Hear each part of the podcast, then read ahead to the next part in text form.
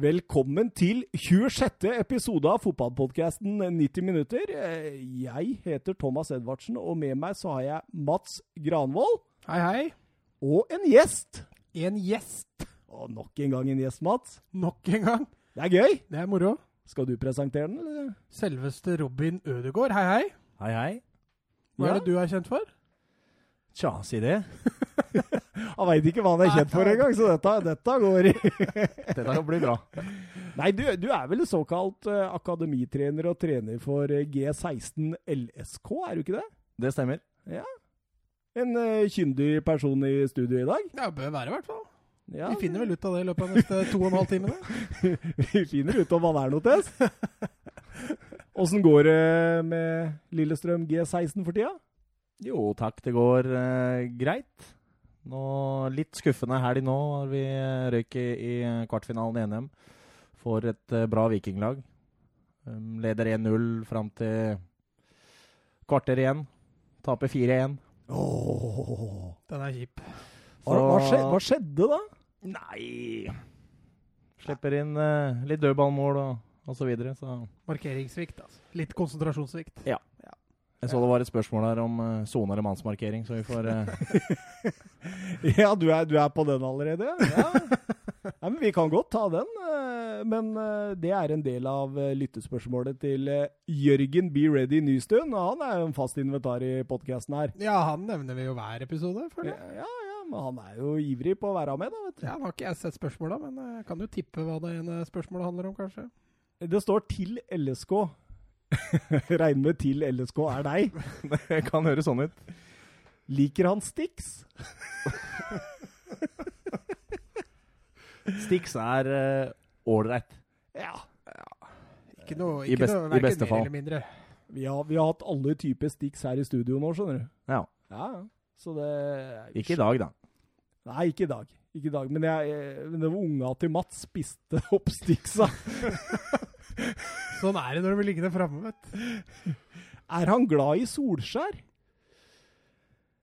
Ja, jeg er jo for så vidt glad i Solskjær, eh, men Er du like glad i Solskjær som Mats? det vet jeg ikke. Nei. Ja, altså, glad i Altså Jeg føler det. Men altså, jeg liker at Solskjær trener United. Eh, om han er en veldig dyktig fotballtrener, det kan vi jo diskutere. Ja, eh, foretrekker han sone- eller mannsmarkering? Ja, nå, nå, er, nå er Jørgen på taktikkeriet her. Dypt inn i taktikkeriens verden.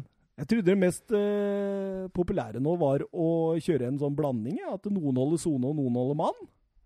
Ja, det er klart, i, i spillet mellom boksene, kan du si, så er det jo klart vi spiller sone- soneforsvar. Men eh, når vi kommer inn i boksene, så handler det om å, å forsvare trusler. Sant? Og da, da må vi mer ut i type mannsmarkering og plukke ut det vi mener er eh, farlig. Mm. Det er jo litt sånn. Slipper du Jorente løs innafor 16-meteren, Mats, da Ja, du bør i hvert fall Skal du spille sone da, så må du ha en eh, ganske god ko kommunikasjon, tror jeg, hvis det skal gå bra. Men uh, det er altså sonemarkering. Det er vel mest populære, tror jeg. Uh, men det er klart, i et høyt aggressivt press så kan det jo også være lurt å ta mannsmarkering, i hvert fall på enkelte spillere. Hvis du har gjort litt forarbeid, da. ja. Det er vel ikke så ofte på G16-nivå at man uh, scouter motstanderen, men eh, på det øverste nivået så ser man det. Så Arsenal har vel Skau- Scouter du ikke motstanderen? Nå er jo denne podkasten blitt så populær at jeg skal velge å ikke prate om det. Det er såpass mange som hører på at eh, vi ikke avslører. Å, tenk det. Ja, rapportene sier det. Ja, rapportene Alltid stol på rapportene, Robin. Alltid stol på rapportene.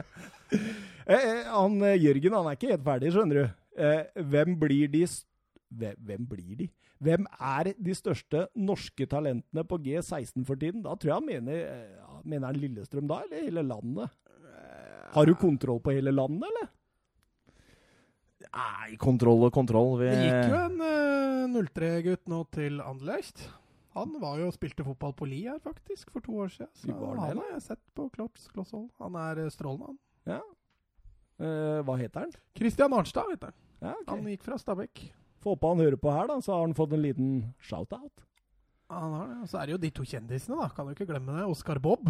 Han har du jo hørt om siden han var elleve, omtrent. Og Marcus og Martinus. ja. Nei, de er fortsatt i Nord-Norge. Så dem, eh, også han godeste, hva heter han som gikk fra Ranheim til Vålerenga? Husker du det? Han Odin, heter- Odin Holm. Ja, ja, Tiago. Tiago. Tiago, ja. Tiago, ja. Ja, stemmer det. Stemmer det. Men er det noen ny Ødegård på gang? da? Da regner jeg med han tenker på Martin og ikke deg. Ødegård er på gang. Ødegård er på gang. Men om det er noen ny Martin enda ja, Vi får se. Vi har noen spennende Jeg får prate om, eh, om våre spillere da, i, i Lillestrøm, og vi har noen spennende typer på gang der. Mm. Få høre. Er det Vil du ikke plukke ut én sånn Du vil holde det på sånn spiller, eh, spiller-manager-hold? Vi får holde det på, på det foreløpig, men det er klart vi er jo som klubb representert med, med spillere på de aldersbestemte landslagene fra 15 og opp, så ja. Det er noen up and coming eh, på vei, altså. Det er mye defensive talenter i Lillestrøm. Det er det. Det er jo fader, det er jo bare forsvarsspillere å få fram, jo. ja, men det Altså For å brygge, brygge. Vi skal ikke brygge noe her. men brygge. men, Brygge men, men for å bygge et luftslott, holdt jeg på å si, for å bygge et slott, så, treng, så, så, så, treng, så trenger man en grunnmur, er det ikke sånn? da? Jo, Man for å bygge et luftslott så trenger du ikke noe grunnmur. Altså, hvis Arsenal hvis, hvis Arsenal hadde tenkt den tanken der, om å få opp litt forsvarsspillere, så kunne det jo blitt et godt fotballag. Absolutt. Absolutt. Eh, du, vi, vi bare tar neste spørsmål til Robin nå, så jeg er ferdig med de som går direkte til Robin. Mm. Eh, be gjesten fortelle litt om hans vei til trener i LSK-systemet. Eh, noen tips til en som har begynt å drømme om å bli trener på et høyere nivå. Eh, det er Vebjørn Fredheim som spør. Ja, du må vel ha mye flaks, da. Ja. ja. Nei da. Jeg eh, Thomas var helt enig, han mener du var litt men, du, du, må, du må jo det! Det er klart man Det er mye eh, skills òg, da. Ja, men du må ha flaks òg. Ja, tilfeldigheter er jeg enig i. Ja. Men eh, flaks ja, men tilfeldigheter og flaks, det er da søren meg det samme. Ja, ok, greit. Robin. Syns du svarte bra på det, Thomas? Ja, jeg gjorde det.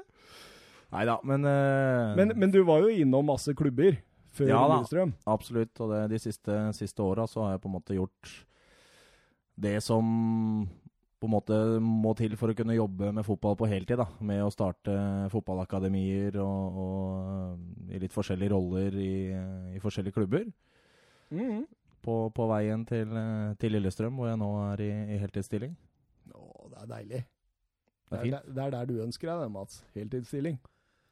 Ja, det hadde ikke vært dumt å kunne jobbe med fotball, men er ikke det podkasten her skal være meninga som er? Tjener ikke ei krone på den her men Ikke ennå, men vi har et mål. ja, ja. Ja, ja, Langt der framme. Du må drømme, vet du. Det er, Podcasten Messi. det er viktig å ha drømmer. Men så spør han også eh, Gi en liste over de tre beste trenere i verden, taktisk i forhold til ressurser osv. Og, så og den er til alle tre. Skal vi prøve å bli enige om en liste, eller skal vi, skal vi dure på med hver vår? Tror du vi greier å bli enige? Jeg veit ikke. Ja, Vi kan det jo tror jeg. komme med en hver, da. Ja, ja. Kom igjen, kjør på. Jeg tar Guardiola. Du tar det, ja? Jeg tar det.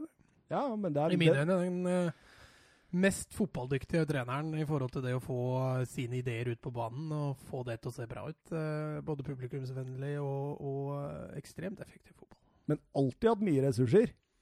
Ja, altså han hadde starta jo ikke med voldsomt i altså For all del, Barcelona hadde mye ressurser der òg, men der bygde han jo en grunnmur, da. Eh, som Barcelona fortsatt står ved i dag. Ja, Men eh, ja, jeg er helt enig, både i Bayern og City. Men det han har fått til med mye ressurser, har jo vært veldig mye. ja. Robin, har du en, eller? Du kan ta først, du. Ja, jeg tar selvfølgelig Maurizio Pochettino, jeg. Eh, syns han eh, Han har jo hatt begrensa ressurser. Han konkurrerer jo med lag som ofte har kunnet eh, bruke det dobbelte og det trippelte enn han. Han er alltid med i toppen. Han er taktisk ekstremt klok. Du ser jo hvordan han ofte kommer under i eh, første omgang, for å så snu det og vinne kampen i annen omgang. Det var vel leste vel noen statistikker om at Tottenham var best i England på akkurat det de siste åra under Pochettino. Og han eh, ja, jeg, Altså, det mangler bare å vinne den siste lille nå. Ta det siste lille steget. Hadde han vunnet i Champions League, så hadde alle snakka om han. Han ble tapende finalist pga. en dommertabbe, blant annet. VAR-tabbe. Ja, du, du flirer? Hæ? Det var jo det. Ja, men det blir veldig hypotetisk, da. Ja, ja. Det blir det. Men han er, for meg, topp tre i verden. OK. Har du en, eller, Robin? Siden vi går for uh, laga vi støtter her, Thomas, så får jeg si Steve Bruce, jeg, da. Å, Vi den er, prøver den å ta fin! det seriøst her, Robin. Den er Ja. fin! Vi, vi gjør det. det, det. Robin sa Steve Bruce. Nå Nei, det var et tull. Jeg velger meg Mr. Ernesto Valverde. Oi, oi, oi, oi, oi. Som taktiker, altså? Ja. I forhold til, til eh, ressurser og, og, og hva han har fått til tidligere, da. Det er klart, nå er han eh, en av de største klubbene i, i verden med å, å ha mye ressurser, men, men i forhold til hva han har gjort både i Atletic Bilbao, Valencia osv. Så, videre, så Han er jo en bra trener. Og det er jo, det er jo klart det at Messi støtta han jo voldsomt når, eh, når eh, Og ikke bare Messi, men, men flere av spillerne som eh, ja. Ja, ja, altså, han, han har jo vunnet fantastisk mye, men, eh, men eh, der jeg mener han falt litt gjennom i fjor, var jo Liverpool-matchen og bortekamper i Champions League generelt. Der sliter han. Det er mulig han ikke sliter med det taktiske, men at han sliter med å motivere spillerne sine.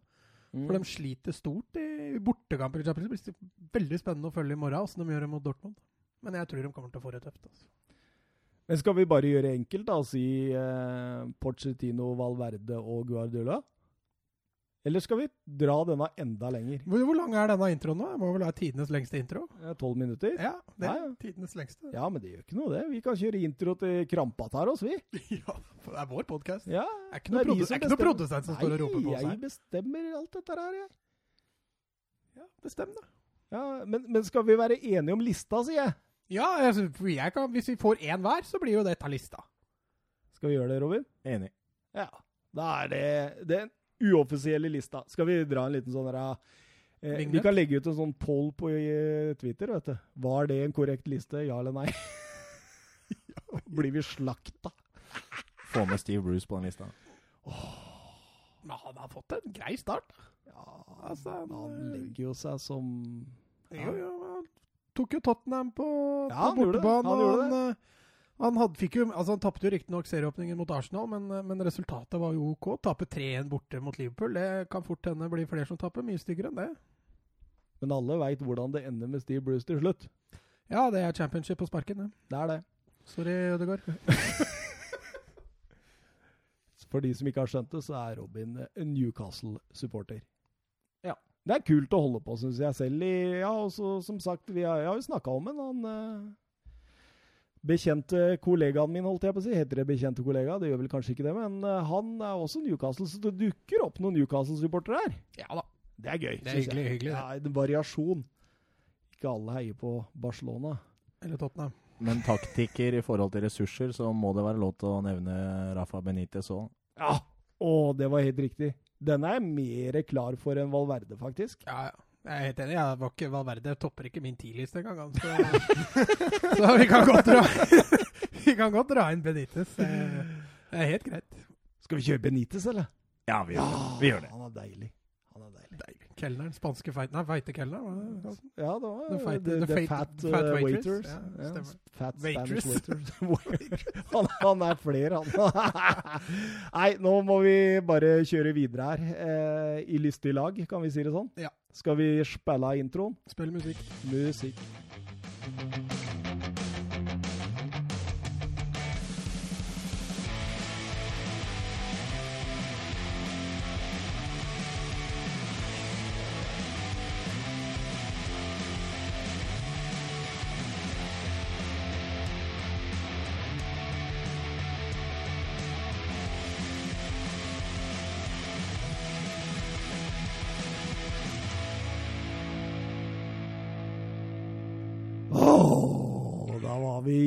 Gang, og eh, målet vårt med å, kutte ned på episodene her eh, Få litt mindre tid. Det var dårlig start. Ja, dette er lengste introen vi noen gang har hatt. Men eh, flytter inn noen lette spørsmål inn der, så Ja da. vi, okay, det så rart. Vi, vi kjører egentlig bare rett på, og vi kjører på runden i Premier League. Den femte runden, så de, de er litt lenger enn de andre, de. Ja, de er i hvert fall lenger enn eh, enn Tyskland og Spania. Og ja, de er egentlig lenger enn nå. Eh, Manchester City de var på besøk på Carrow, Carrow Road og uh, møtte Norwich. Møtte veggen. Møtte veggen Eller vegg og vegg, altså. Ja. Jo, jo. Eh, først vil jeg bare si at Norwich er jo ekstremt modige. De er, eh, de er egentlig naive. Ja, og, og, og Farke snakka om navi- navi- naivitet på en positiv måte. Ja, og det er akkurat det vi fikk se i den matchen. Ja. Men husker du ikke når vi hadde Ole Martin i studio her? Da hadde nettopp eh, Norwich blitt knust av Liverpool. Ja. Og vi drev og snakka om at det, ja, han tok den kampen som en referansepunkt på å se hvordan du ligger an. Men de peiser videre på, de. altså. Ja, de tok den referansen med, med en klype salt, og så fortsatte de med samme. Er du imponert over Norwich, eller? Ikke helt? Nei, Jeg ser dem slo Newcastle der i andre matchen, så Ja, det sitter igjen nå. det, det sitter igjen da. Nei, men matchen mot City er vanskelig å ikke bli imponert av den. Eh, De, eh, de fillerista City i perioder, faktisk. Ja, Men når du har Stones og Otamendi bak der Ja, Otamendi så ikke ut som en fotballspiller, faktisk. Han, eh, han eh, så litt svimmel ut. Han hadde et aldri så lite Phil Jones-øyeblikk der. Ja, han, eh, han Nei, gud veit hvor han hadde huet sitt når han dreiv med den ballen der. Det så Men, nesten men, ut men, han men var du, på ser, ferie. du ser jo det når han får ballen. Han, han får den vel fra Stones, eller er det fra keeper? Jeg husker ikke. Nei, Jeg tror han får den fra keeper. Ja. Men han mangler jo totalt overblikk. Nei, altså For meg ser det ut som han ser over skuldra før han får kula. Og så bestemmer han seg for at han har veldig god tid. Ja, Men, og så- og så bruker han jo Nei, for, for det er- ser jo ut som han skal sentre tilbake igjen til Ederson. da. Det er det som er planen, tror Ja. jeg. Eh, Men han vil vente til han får presset, før han spiller. Og så venter han jo Han venter og venter og venter. han. City eh, ekstremt mye ball. Ekstremt. Ja, det, Jeg veit ikke hva tallene var der, men det var voldsomme mengder eh, Det var, eh, var 31-69. Ja, eh, og når Aguero eh, reduserer rett før pause der, så tenker man jo dette, dette løser seg til slutt. Men eh, nei da, eh, så feil kunne man ta. Eh, 3-1 der, Pukki. Ja, ekstremt god også i presspillet. Ja, jeg syns Pukki fortsetter å imponere. Nå har han jo tatt eh, Må jo kunne si han har tatt Premier League med storm. Mm. Eh, Det var vel ikke eh, så mange Jeg dytta han jo, jeg var en av de som har dytta han inn på Fantasy etter et par runder. Ja, du gjorde det. Ja, ja. Og det angrer jeg ikke på. Jeg er en av de som alltid har sagt at det stopper snart. Ja, det kan godt hende, men da tar vi den ut. Ja, da, tar, da, tar vi den ut. Åh, Temo Pukki, vet du. Men, men det er jo verdt å nevne, da, i forhold til avslutninger. Mm. Da fillerista jo City Norwich. Jo, det var et lag som eh, Altså, det var 25-7 i avslutninger, så Ja, men var det veldig ofte veldig Nei, altså, farlig? Jeg, jeg sier ikke at alt Nei. av det var sjanser, men, men, eh, men det er klart at City, eh, City hadde ofte etablert spill på Norwich banehalvdel. Jeg syns det var velfortjente tre poeng, jeg, og jeg har lyst til å applaudere stående Norwich for dette her. Ja. Fantastisk. Altså nyopprykka lag som slår Manchester City. Mm, og de gledesscenene etter kampen er uh, Altså, det var Du skulle tro de hadde vunnet hele Premier League. Det var uh, fantastisk. Og Todd Cadwell der. På, han, han løper jo som en galing på den midtbanen. Ja, ja, ja. Åh, fantastisk, altså. Rett og slett nydelig. Eh, en arbeidsseier og en eh, seier eh, Norwich-fansen nok kommer til å nyte i lang, lang tid. Eh, skal vi ta turen videre til Liverpool mot eh, Newcastle, eh, Robin? Ja, der taler vel tallene for seg. Det ble bra start, da. Veldig, veldig god start, og en fantastisk scoring av Williams der. Ja, vi har jo, vi har jo trøkka han langt ned i søla før. Her, Ja, vi. men Det var jo morsomt når han kom, skulle bytte inn der og ikke ante hvor han skulle spille, og surra rundt på, på midtbanen i fem minutter. Det var da det var gøy. første kampen mot Arsenal, da. Da lo jeg litt, og så gråt jeg litt. Ja, særlig nå den første involveringa der òg. Sånn. Han bare forærer Arsenal-skåringen. Men den skåringen mot Liverpool, den var, det var et godt stykke arbeid. Altså. Men jeg, men jeg tror vi trygt kan si at Steve Bruce prøver å ta opp arven etter Benitez. Det ser sånn ut. Han, eh, han eh, går litt vekk fra sin vante 4-4-2 og, og kjører gjerne fem bak. Det Ja, virker ja. som ikke plager han i det hele tatt. Nei, altså det, det virker som han har sett Benitez og tenkt at dette må jeg bare fortsette å kopiere. Ja, altså når, eh, når Newcastle annonserer at de henter Steve Bruce, så, så for min del var ikke så veldig mye annet å, å forvente En, uh, Men gråt du litt, eller? Ja, igjen lo litt og gråt litt. Det er litt, det er litt sånn sjokktilstand når laget ditt ansetter Steve Bruce. Men, men uh, følger du såpass mye med, eller veit du hva som skjedde med den avtalen med de uh, araber-flikkflakkene? Eh, Både ja og nei, for uh, ryktene i ettertid sier jo at eh, det aldri var noe nærheten av noe avtale. Mens andre mm. rykter sier at det var uh, veldig nære. Eh, Andre rykter igjen sier at uh, Men klubben, man, man forventer et oppkjøp nå rett rundt hjørnet. men klubben bekrefta jo på et tidspunkt, gjorde de ikke det? At det var forhandlinger, i hvert fall. Den arabergruppen bekrefta vel Ja, det var kanskje den som gjorde det. Jeg er litt usikker. Jeg husker ikke. Det er jo langt tilbake i tid, dette. Ja, altså, jeg tror, tror Mike Ashley er i hvert fall ikke lett å forhandle med, tror jeg. Nei, absolutt ikke. Det tror jeg er en vanskelig mann å ha med å gjøre, uansett om du er eh, kjøpende part, om du er trener i klubben, eller om du er eh, kassadame på Sports Direct. Så tror, jeg, tror jeg det er tungt å være under Mike Ashleys ledelse. Eh, men eh, over til kampen, da. Så Newcastle kom jo eh, til Anfield med et eh, eneste mål, og det er å tette igjen og prøve å kontre. Akkurat som de gjorde med lykke og hell på eh, Tottenham Hotspur Stadium. Mm. Eh, og, og det så jo lenge ut til det fungerte. Den første halvtimen der så er jo Liverpool helt ute av rytme. Ja, jeg syns Liverpool sliter med å skape noe som helst. Eh, det løsna riktignok litt etter hvert, men, men det måtte et lite øyeblikks magi fra, fra Man Mané der til at det skulle, skulle løsne for dem. Men jeg syns Newcastle imponerte, i hvert fall fram til Mané skåra. Så, så gikk det litt lettere for Liverpool. Og så kommer Firmino inn.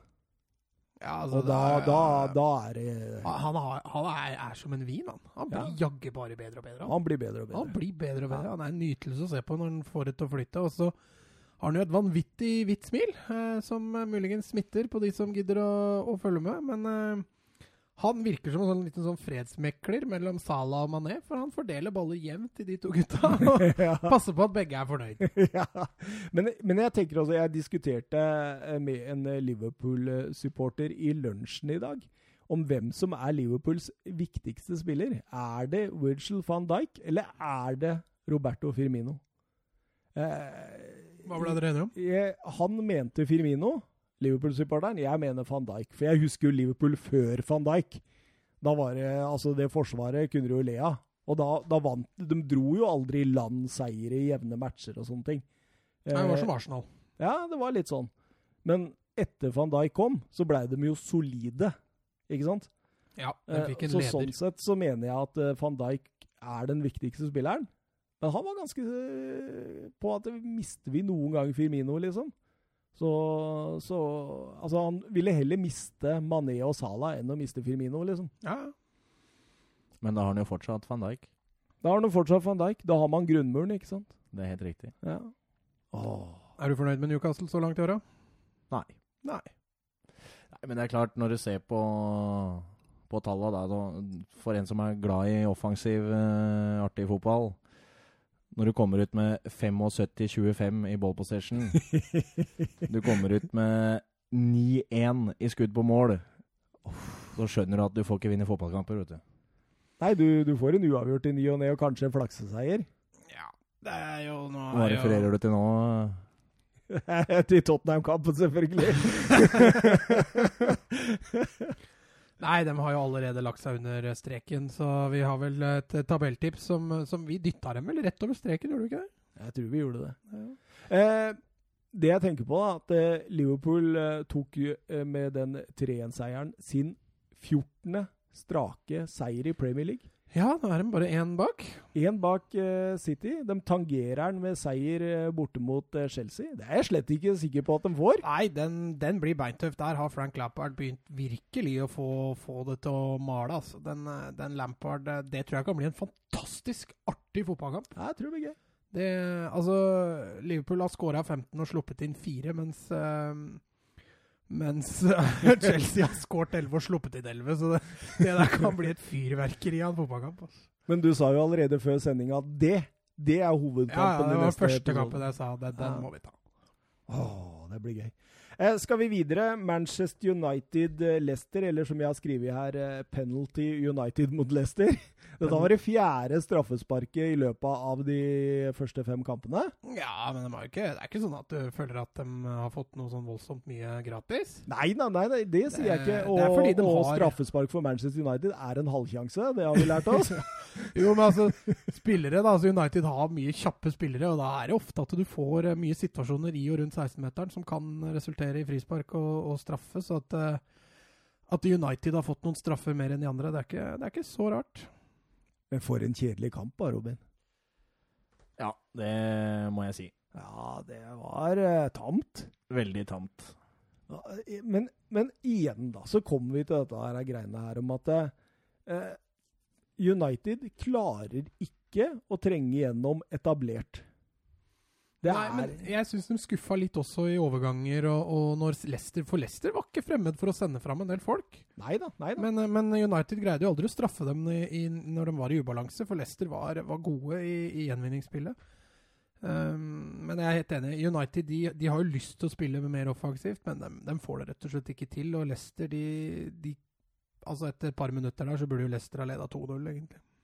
Ole Gunnar Solskjær eh, var fornøyd med de 20-25 første minuttene. Og så sier han at han var fornøyd med hvordan de forsvarte seg resten av sesongen. Nei, resten av, resten av kampen. Og da tenker jeg på Er det dit Manchester United har kommet? Men han uttalte jo før landslagspausen at, eh, at han syntes ikke United hadde hatt noe formdupp. Det var mer en, en, en svake resultater noe, noe formdupp. Eh, kampen mot Leicester er vel en av de svakeste kampene United har hatt i år, syns jeg. Ja. Men den vinner de. Ja, det Så det er vel det han prøver å ta med seg, tror jeg. da, At uh, han må være fornøyd med noe. For uh, det, er ikke, det, er ikke den, det var vel den andre seieren til United i år. Så de, han må jo se noe positivt i det. Et lyttespørsmål fra Sandra HJ på Twitter. Eh, Er det lov å si at Manchester United spiller litt kjedelig fotball? Er det lov, Robin? Er Ja. det Ja? Det er lov å si. Jeg føler litt at den Uten å kjenne detaljene i hvordan Solskjær ønsker å framstå, så føler jeg litt at den kreative delen da, som blir eh, sendt ut til spillerne, at den på en måte tar litt overhånd. da. Ja. Og at det kan se litt plan planløst ut. Og at man hviler mye på disse gutta med fart på topp der. da. Ja, helt klart. At det er det som er førsteplanen, liksom. Og så gå raskt i angrep. Og at man kanskje ikke har den helt store planen mot etablert. Nei. Jeg er helt enig. Jeg syns uh, Altså, United trives nok best mot lag hvor de, de får mye rom, spesielt mellom forsvar og midtbanen til motstanderen, og bakrom, selvfølgelig. Eh, Når du mangler den eneste lille kreative du har i Paul Pogba, så sier det seg sjøl at å spille mot etablert med et sånt lag, det blir ikke så lett. Altså, da må du ha en enklere spillestil. Eh, Solskjær ønsker jo en rolle. Jeg tror ikke han ønsker å være kjedelig. Eh, Men det fremstår jo sånn når de ikke makter, rett og slett. De er jo ikke bedre. Nei, ikke sant? Eh, men, men jeg tenker jo liksom på dette Manchester United-laget, og jeg tenker på Du, du snakka jo om det også, du, at eh, Phil Nei, nei, Gary Neville var det som satt i studio. Han virker så positiv til alt mulig rundt Manchester United og sånt. og Jeg har hørt, altså sett flere sånne supportersider på nett som sier liksom det at ha-ha, sjekk statistikken vår, og dere sier at vi spiller dårlig. Altså, Mangler det litt selvransakelse i klubben der nå? Kanskje er det sånn at man har senka lista såpass langt ned at man liksom ikke er på et Manchester United-nivå når det kommer til altså, den normale målsetningen man hadde under uh, f.eks. Alex Ferguson. Ja, altså Spørsmålet er jo hvor god tid United har. For Jeg mener jo det at eh, Solskjær har begynt på noe veldig riktig med United, med å prøve å få litt mer av de britiske spillerne inn. og Og ikke strekke seg så langt etter de store internasjonale stjernene, og heller bygge unnifra. Så er jo spørsmålet hvor god tid United har, da. Fordi for å klare å bygge et bra lag nå, så trenger, jo, trenger han jo to-tre overgangsvinduer hvis United skal eh, hevde seg hevde om seriegullet, tror jeg. da. Ja, jeg, jeg kom over noe tall her. Manchester United er unbeaten på de siste 134 kampene i Premier League når de har skåra først. 123 seier og 11 uavgjort. Det er ekstremt sterke tall. Ja, de tallene er ikke bare Ole Gunnar som står for. Nei. Der er det mye Ja, det er faktisk eh, ganske sterkt, det. Så, så det vil jo si det at uh, Ta ledelsen 1-0 hvis du spiller mot Manchester United. Ja, gjør deg sjøl en ordentlig tjeneste og gå ut og vinn. Ta den ledelsen. Eh, Paul Scholes og Michael Owen nevnte i et intervju med tror den offisielle TV-kanalen til Premier League at de tror ikke Manchester United kommer noe høyere enn sjetteplass, og at de kan, sannsynligvis kan komme helt ned på åttendeplass. Hva tenker du om det? Jeg tror det ikke er nødvendigvis er så feil. Eh, så da er vi litt tilbake igjen på det der hvor god tid United har. Eh, tillater dem å havne der? Eller, eller gjør de ikke det? For hvis de ikke gjør det, så får jo Ole Gunnar antageligvis sparken før sesongslutt. Og, og, hvis de har litt is i magen og tør å satse videre, så tror jeg han trenger et par overgangsvinduer til før de er der. Over til Tammy Abraham-show, eller? Ja. Wolverhampton, Chelsea 2-5. Tammy Abraham. På godt og vondt. Hat trick, selvmål, gult kort og skade. Ja. Alt i én.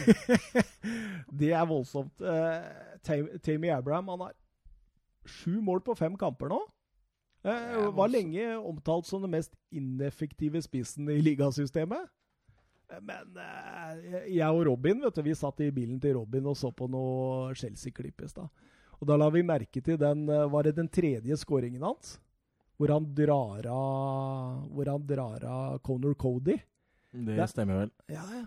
Du, du, ser at han får Conor Cody på feil bein. Han, han, drar ikke noe finte, han bare får den på feil bein. Med, altså, det blir jo en kroppssvinte, da, men altså ikke noe så stor Og så går han rett fram. Det er, sånn, det er, det er enormt rykk. Var, det er, det er målskårermål, altså. Ja, det er klart det er det, og han viser jo en fantastisk balanse og et fantastisk rykk der. da, og den, Det er høy klasse over den skåringa. Ja, absolutt. Eh, eh, Nuno Espirito Santo han eh, var skuffa pga. mange personlige feil. Han mente at, han ga, at de, de ga Chelsea dette. Altså Hvis du ser bare på resultatet, så tenker man jo at dette er en vanvittig sterk seier av, av Chelsea. Jeg tror av topplag så er det ikke så mange som kommer til å Ja, Bondelag òg, for så vidt. Det er ikke mange som drar til Molyneux og henter tre poeng. Og Chelsea gjorde det egentlig en meget, meget uh, god match. Men jeg er enig med, med Santo. Det er, det er litt uh, personlige feil som ødelegger for, for, Wolverhampton, og det har du ikke råd til når du møter en, en Abraham i kalasform, altså. Og så blir det jo feil eh, som en taktisk eh, podkast hvis vi ikke nevner at eh, Lampard kjørte tre bak. Ja, absolutt. Rüdiger var tilbake igjen. Ja, var det tilbake igjen. var en viktig mann å få på plass igjen, tror jeg. Nå venter de vel på, på Loftus Cheek og Hudson Odoi, så begynner dette å se knallbra ut. Og Robin, han elsker Mason Mount. Hæ? Ja, jeg har vært imponert over han i innledninga her. Jeg snakka mye fint om den i podkasten nå, skjønner du. Dere har det? Ja, ja.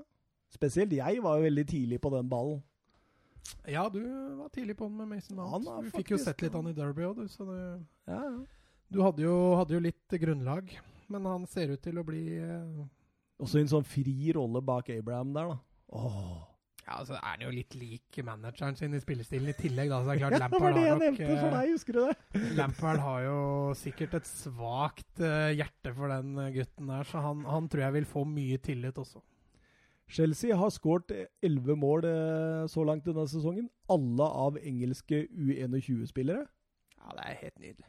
altså, den, den overgangsnekten her blir en, en fantastisk greie for Chelsea. Ja, du tror det? Ja. Ja. Dette er i Tror du de holder liksom sånn ut, da? At ja, altså, dette blir altså- Champions League og Jo, jo, men, men, tenk deg når disse unggutta får, får lagt det fundamentet. Altså, de kommer til å få så mye spilletid i år, de unggutta, at uh, når Chelsea skal på overgangsjakt uh, nå neste sommer, fader, skal de forsterke henne?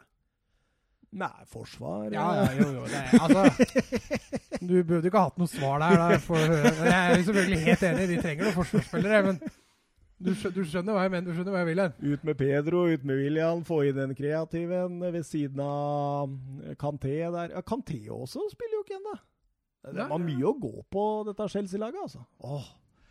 Eh, Tottenham Crystal Palace. eh, Tottenham tilbake i eh, Ja, var de tilbake sånn vi kjenner dem?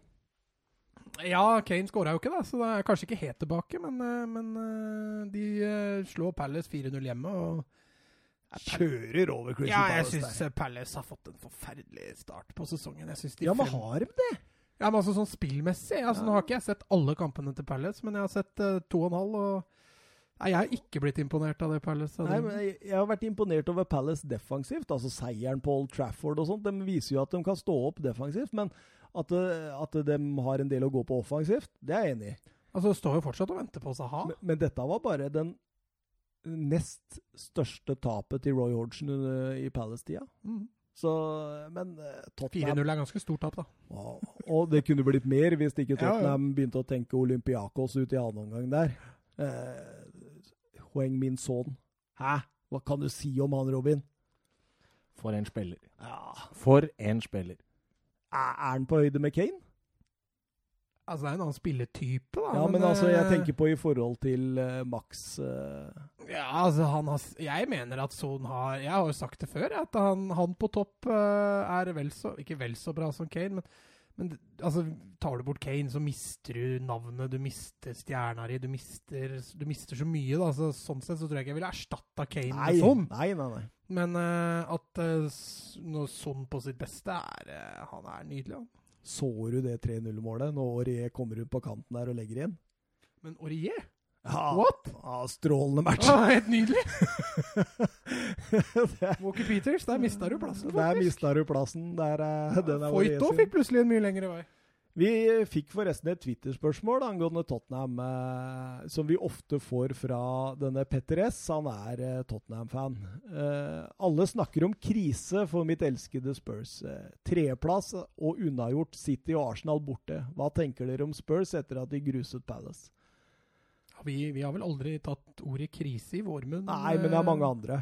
Så han tenker vel mer på det, ikke, ikke oss. Ja, for vi, eller jeg, tenker ikke krise. Jeg har sagt det før, at Tottenham de har gjort unna to av de vanskeligere bortekampene denne sesongen, og, og tapte ikke noen av dem. Nå skal det jo sies at de gjorde unna en enkel hjemmekamp og klarte å tape, men Enkel, Robin. Hørte du det? Enkel. Det er ikke veldig overraskende resultatet seg, der, da. viste seg ikke bli så enkelt. Men eh, nei, jeg syns eh, Tottenham har fått en, eh, fått en grei start, men de ligger jo sju poeng bak, da. Det er, det er- det er mye Det er mye på fem kamper. Mot et lag som ikke vinner. Nei, ikke taper. Eh, Liverpool, ja. Liverpool. Ja. Nei, de spiller jo ikke uavgjort heller. Jeg tror det blir bra. Jeg tror Tottenham tar den tredjeplassen alle spådde. Det er jeg ganske sikker på. Ja, Jeg tror det, òg. Eh, Watford, Arsenal eh, 2-2. Eh, Aubameyang skårer to mål der på kort tid, og sender Arsenal opp i 0-2-ledelse. Egentlig må spillets gang. Watford var best. Ja, men det forsvarsspillet på spesielt 0-2 der, det er så passivt og så Det er så store avstander, og spesielt mellom, med gjennomspillet til Øzil her. Altså for all del, det er kreativt, men du ser, jeg tror det er Cathcart som henger igjen. Mm. Eh, han ligger altså to meter bak resten av forsvarsfireren, som gjør at Maitland Niles eh, spilles onside. Og så er det altfor stor avstand mellom bekk og stopper, og, og de gjør det veldig lett for Arsenal der. altså. Men så viser Arsenal det at uh, når de driver og bygger hus, så glemte de grunnmuren. Ja. Fordi, fordi eh, Robin, du hadde litt lyst til å si noe om den 1-2-skåringen til Tom Cleverley der. Ja, altså, hva skal man si? Bildene taler for seg. Altså, jeg tenker uh, Man har en filosofi man ønsker å spille etter, og, og det er fint og flott, det. Men, men det er klart, når man har gjort den samme samme oppspillsvarianten egentlig hele matchen igjennom, da. Ja, Fram til, fram til det tidspunktet. ja for det holdt på å eh, gå gærent mange ganger i forkant av dette. Ja, det gjorde jo det. Og det er klart, eh, hvis du ser på, på hvordan Watford velger å, å forsvare seg her, da, så, så er de klar over at den ballen kommer inn i det rommet her. Mm. Sant? Og, og, og hvis man ser, så, så har man ganske mange andre mer naturlige løsninger for å spille seg ut, da. Absolutt, absolutt. Eh, Vi snakka om det å slå den ballen til eh, høyre. Eh, Der var det åpent. Og man kunne også slå den ut venstre, der det var kjemperom. Isteden så velger han å sende den rett til Delofeo. Ja, det var vel ikke han han sikta på, men Delofeo Han så nesten sånn ut. Han snappa han foran der, men altså Jeg er litt sånn todelt over det, for jeg husker Nei, også det er ikke Jo, jo, jo, jo, hør nå, hør nå. Fordi under Barcelona og Pep Guardiola Altså Da ble Barcelona helt ekstreme i forhold til frispilling bakfra. Ja. Den ballen skulle ikke slås langt. Nei. Uansett så skulle ikke den ballen slås på måfå. Eh, og litt der sånn er jeg med Arsenal. Men når du ser da forsvarsrekka Barcelona hadde da, og så Mm. ser du den forsvarsrekka Arsenal har nå, Mm. da må jo Unai Emery tenke at vet du hva, det her går jo ikke. Nei. Vi kan jo ikke spille av sånn. Nei, nei, det er det som er poenget mitt. Eh, sånn at eh, her må Arsenal bare tenke at sorry, vi er ikke bedre. Vi må, vi må Det er sikkert tre- derfor de mente av David Louis, vet du, fordi de tenker at ja, og han Ja. Men jeg så en sånn liten sånn tweet her, og eh, det sto at eh, Chelsea har gjort et mesterstykke. De fikk eh, åtte millioner pund på, på å gjøre konkurrenten sin dårligere. ja, det var ikke gærent. De fikk faktisk penger for det. dem. Ja, de fikk det. For uh, han uh, kløner jo til der og skaffer Watford uh, straffespark ti minutter før slutt. Ja. Pereira setter den elegant inn i mål, sikkert 2-2, og det kunne også vært flere, faktisk. Altså, Arsenal har flaks i denne kampen. som kommer Altså spesielt andre omgang. Ja. Eh, nei, der var det hjerneblødning. De gikk til pause på 2-0, og så tror jeg det skjedde et eller annet mentalt. Eh, for det skal ikke gå an å, å gå fra å ha en i hvert fall sånn noenlunde jevn kamp til å bli så underlegne som de, eh, som de var. Altså. Men eh, en grei start for Flo Sanchez Flores, eller? Ja, få med seg et poeng hjemme mot Arsenal, det, det er vel eh, OK, det. Men eh, når han ser kampen under ett og skal se og analysere dette dagen derpå, så tror jeg han føler det litt bittert at de ikke greide å vinne, tror jeg. Robin? Ja. Eh, Didrik Tofte Nilsen han sier jeg gjentar spørsmålet jeg hadde til Nessel Kvist. Eh, han kan eh, tenke seg at du tar over LSK etter Haglund. Hvilke fire spillere i hver posisjon? Én i hver, altså, tenker han da. Ville du valgt fra Premier League om du fikk velge helt fritt til ditt LSK-lag? Og så følger han opp med Vops, Erlandsen. Vops, Lennartson. Tofte Nilsen følger med, i hvert fall. Han er, er Lillestrøm-supporter. Ja, det Spørs. spørs. Men uh, hva tenker du? Én i hver posisjon. Lillestrøms A-lag. Ja, der eh, tenker jeg Hvis vi begynner med keeperen, så ville jeg sett Ederson. Og så har jeg gått litt uh, runder. Å, det var deilig. Fin, den. Ja, jeg syns det er fint. Alle, vi har vel tre DGA nå, så da er det fint å få en Ederson. Ja. Da må du ha noen spillende forsvarsspillere, da. Ja, riktig, det. Ja. Ja, da kanskje vi skal Nei da. Han, han eh, sa til meg at jeg må ta en bekk, skjønner du, fordi, altså, i forhold til hva Lillestrøm trenger. da. Ja, ja, ja. Ja. Ehm, ja, vi gikk noen runder på, på På- forsvarsspillere, men endte opp med, med en bekk. Ja. Eh, jeg står med, med to stykker. Klarer ikke helt å velge. Det er eh, Robertson fra, fra Liverpool, og det er Walker fra, fra Manchester City. ja. Det er jo greit, det. ja, det er greit. Det er hans liste, så jeg får jo ikke sagt noe.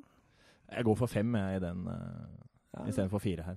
ja, men det er greit. det er greit. Ja, du henter begge Jeg henter begge bekka. Ja, Ja, det, det syns jeg er fornuftig. Ja, det synes jeg er fornuftig. For er det et sted Lille som sliter, så er det jo på bekka. Da blir det Walker, Salkvist, Tam og, og Robertson, da. Nei, det, det, Det klinger, det. kommer, kommer langt med det i Tippeligaen, eller Eliteserien som det heter. Definitivt. Eh, midtbanen da, Robin? Kevin De Bruyne. Å, der tar du samme som meg. Det liker jeg. Det liker jeg. Det var, jeg var den eneste. Dere kjørte vel Pogba, Stemmer det. til min store skuffelse. Eh, angrep, da? Hvem er makkeren til Lene Olsen? Ellers Marathon. Ja, men han kan du dytte litt ned òg, vet du. Nei, jeg skulle gjerne hatt tre til, jeg, da. Men uh... ja, det skjønner jeg. Nå snakker du klubben din oppover! Nei, ikke, ikke, ikke sånn ment, men uh, når en kan velge fra, fra øverste hylle Det er uh, tre spisser der som, uh, som fanger meg, og det er Aguero, det er Kane og det er Salah. Ja. Nå skal jeg velge av de Aguero. Åh, det er samme som Nesselquisten, det. Ja, men Aguero kan du også bruke bak Lene Olsen, og du kan dytte Lene Olsen ut og bruke Aguero som spiss. Det er, det er ikke så dumt valg, det. Altså. Hvor mange, hvis du bare tar, tar Aguero, hvor mange mål hadde han skåret i Eliteserien hvis han hadde spilt spiss for Lillestrøm? Ja, han hadde vel putta 25, tenker jeg. Han får jo ikke ballen så mye da, når du spiller for Lillestrøm. Du må jo løpe og få tak tak er Det er klart, med, med De Bruyne på midten, så får du ballen, da. Ja, ja, jo, men da må jo han få tak i ballen. Eh, nei, men det var fin liste. Litt uh, annerledes enn oss, og det liker jeg. Ja, ja, ja. Må ha Ja. litt uh, vari variasjon. Skal vi over til uh, der große Bundesliga. Det, vi, vi kjører rett og slett i gang med Köln mot Borussia München Gladbach. Der Rinerland Derby der, altså. Et av Bundesligas største derby, visste du det, Mats? Ja, det visste jeg. Køln eh, de er ikke små Det er ikke et lite lag, det. Nei. Eller det er et elitelag, men det er ikke et lite lag. da. Nei, det fikk Ståle Solbakken erfare i sin oh, tid. definitivt. Eh, Embolo og Plea eh, klarte til sammen å skåre kampens eneste mål i et jevnt og tett oppgjør. Eh, Gladbach eh, nok all over la, det beste laget, men eh, ja, spesielt Embolo tar steg nå. Ja, han har vært, eh, vært veldig imponerende. Vi har snakka om det tidligere i den podkasten her også, at han eh, han, altså Den rollen han får bak spissene, syns det virker å kle han meget godt. altså. Eh, ekstremt god i Basel, ekstremt dårlig i Schalke 04, og så er han tilbake nå. og Det er morsomt å se. Dennis Zakaria og Florian Neuhaus var også meget gode sentralt på midtbanen der og gjorde livet vanskelig for Köln. Eh, Köln som nå har tapt fire strake hjemmetap. Ja, da blir det vel noe oppslag og sånn på treningsfeltet, da, sånn som vi er vant med når det gjelder Köln. Å, jeg husker jo det intervjuet med Ståle Solbakken på Ja. tysk. Ich muss sagen Det var jo Fullfør, fullfør det. Nei, jeg kan ikke så mye mer, men eh, Leipzig lang... ja, ja, men det heter Ichmos. Ja, jeg må. Jeg må si. Jeg sa jeg må si på tysk nå, ikke sant? eh, Rob? Kan du tysk? Nei, dårlig med tysk. Ah, Ich muss. Ich muss sagen. Jeg tror det er riktig. Det skal jeg høre. Fullfør. Høre med våre tyske venner i eh, Jeg kan høre med Rune. Ja, våre tyske venner i Rune. Eh, Leipzig, Bayern München. Det ble eh, 1-1. Det var akkurat sånn jeg tippa på Viasat sine sider. Husker du det, Mats? Stemmer det. Lewandowski 0-1 etter tre minutter, og Emil Forsberg eh, kvitterer på et straffespark eh, rett før dommeren blåser for pause. Storoppgjøret 1-1. Lewandowski ja, tidlig 0-1, og man tror liksom at det og, og Bayern München de kjører kampen skikkelig. Ja, altså, altså det var, eh, det var enveiskjøring, i hvert fall i første omgang. Det jevna seg litt i andre omgang, men, eh, men eh, Nei, jeg syns Bayern får dårlig betalt i den matchen. her. Ball possession er på nesten 70% i deres favør totalt sett når kampen er ferdig, og de har de har også flest avslutninger på mål, og de, spiller den helt klart mest aggressive offensive fotballen av disse to. Jeg tror Nagelsmann tok litt forbehold for det, for det, det var litt mer fokus på kontringer enn det vi har sett Leipzig tidligere i år. så... Så det er tydelig at han visste hva som, hva som kom, men, men Bayern ser eh, fryktelig god ut. altså. Men samtidig da, så har de jo Altså, Jeg tenker jo dette var litt sånn Hertha Berlin igjen i serieåpninga. Ja, det var akkurat det det var. Ja. Jeg er helt enig med deg. Så de Og- sliter jo å avgjøre noen kamper òg, da. Hvis Jo, de jo, ikke men, men, men dette er jo altså Leipzig borte. Her slår de jo en medaljekandidat. Eller her får Ja. de med seg et uh, poeng fra medalje. Hertha Berlin er jo nesten en nedrykkskandidat begynt å bli, Ja. så det var nok et resultat som, som skuffa mer. Men eh, men 1-1 borte mot Leipzig er noe Bayern kan leve med. Men når du har sett kampen, så, så tror jeg de føler seg veldig snytt. altså. Nagelsmann han gjør noen justeringer der og bretter opp erm ermene, og, og de, de kjemper jo seg litt inn i Ja, ja, ja, det var litt det jeg skulle fram til også, at utover i, utover i kampen så kommer Leipzig litt mer med. Og, og det var jo også en av grunnene når vi snakka litt før sending om hvilke trenere som var de best taktiske, så, så nevnte jeg jo Nagelsmann, og jeg syns han, han, han redd, er med på å redde det ene poenget i den matchen her. For, for tre poeng til Leipzig her hadde jo vært et ran. Men Benitez tok den plassen. Benitez tok den plassen. På sparket. Fikk en Newcastle-alibi da, Robin. Hæ? Oh yes. Ja. Kingsley Coman banens beste, eller? Er vi enige om det? Eh, ja. Fantastisk kamp av Rottehale mannen. Skal først være kjent for noe, så det Så er er det Rottehalen som han uh, pådro seg Ja. i Italia der. Han og han derre Rodrigo fra Inter, husker du han? Ja, ja, ja, ja. Han Han- husker jeg, han, han- han, eh, argentinske karen. er Ja, ja, ja, ja. Han spiller jo ennå i Serie A, han. Han eh, så jeg i går. Uh, nei, i forgårs. Uten Rottehale? Nei, nei, fortsatt rottehalen. Og så nå, Nå fikk du sånn sett noe nærbilde av det, så han har det ikke rett bak heller. Han har noe sånn på sida i bakhuet. Sånn der rottehale på siden. Det så skikkelig ubehagelig ut. Jeg håper hvis noen av dine spillere Robin, hadde kommet med det på treningsfeltet, så hadde du sendt den hjem. Klippet Klipp den av, vel? ja. Eneste rette. Ja, nei, jeg hadde ikke gjort det. Jeg hadde bare ledd høyt og pekt, og så hadde jeg gått. Akkurat som du gjør når du ser Arsenal spille forsvarsspill. Eh, ja, eller Phil Jones. Eller Phil Jones. Ja. Eh, hovedkamp én. Den kommer fra Bundesliga, og det var storoppgjøret mellom Borussia Dortmund og Bayer Leverkusen. Før kampen lå Leverkusen ett poeng foran Dortmund, noe som eh, fordi Dortmund sjokkerende tapte borte mot Union Berlin eh, i forrige serierunde. Leverkosen hadde på sin side foreløpig ikke tapt på de første tre. Eh, Leverkosen har ikke vunnet mot Dortmund siden 1.10.2016, da de vant 2-0 hjemme. I tilsvarende oppgjør sist sesong vant Dortmund 3-2 etter en fantastisk kamp av Jaden Sancho. Noterte seg for ett mål, én assist og én tredje sist på ballen. En match mellom Lucien Favre og eh, Peter Bosch. En kamp mellom de to mest spennende talentene i verden. I Jaden Sancho og Hvem er det jeg snakker om da, Mats? Ja, er det Jonathan Ta, da, regner jeg med? Han er så glad i Jonathan Ta, vet du. du, du på et eller annet, altså, det, det må bli ditt alibi i denne podkasten. Ja. Ikke én episode uten å nevne Jonathan Ta.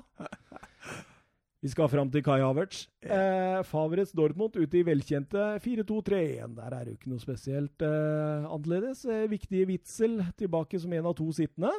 Ja. Eh, Sancho, Royce og Brant eh, bak eh, Alcácer der, altså. Brant som møtte gamle Hva var det du tippa der igjen, når du tippa? mm, Hva gjorde jeg? 2-2? Stemmer. Husker du hva jeg tippa, eller? Hadde fikk du riktig her? Nei, jeg bomma. Jeg hadde 3-1 til Dortmund. Da. Ah. Eh, Peter Bosch har jo variert voldsomt med formasjonene i, i løpet av denne sesongen.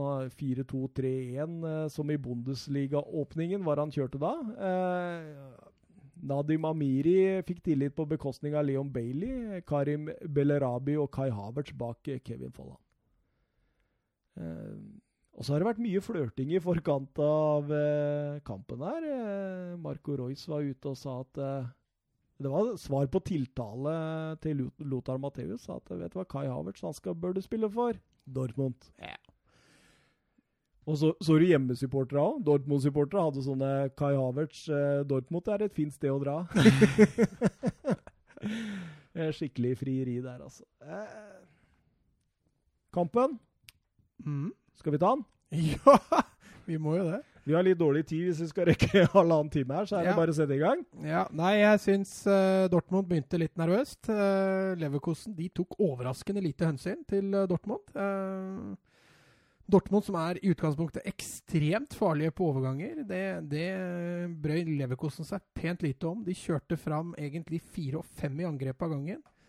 Eh, var ikke noe sånn voldsomt aggressive i gjenvinningsfasen høyt i banen, men, eh, men de defensive plasserte seg ofte veldig godt og stengte de rommene Dortmund ønsker å kontre i. Eh, samtidig som de var gode førsteforsvarere bak der. Sancho klarte jo knapt nok å runde Wendel en eneste gang i starten av matchen.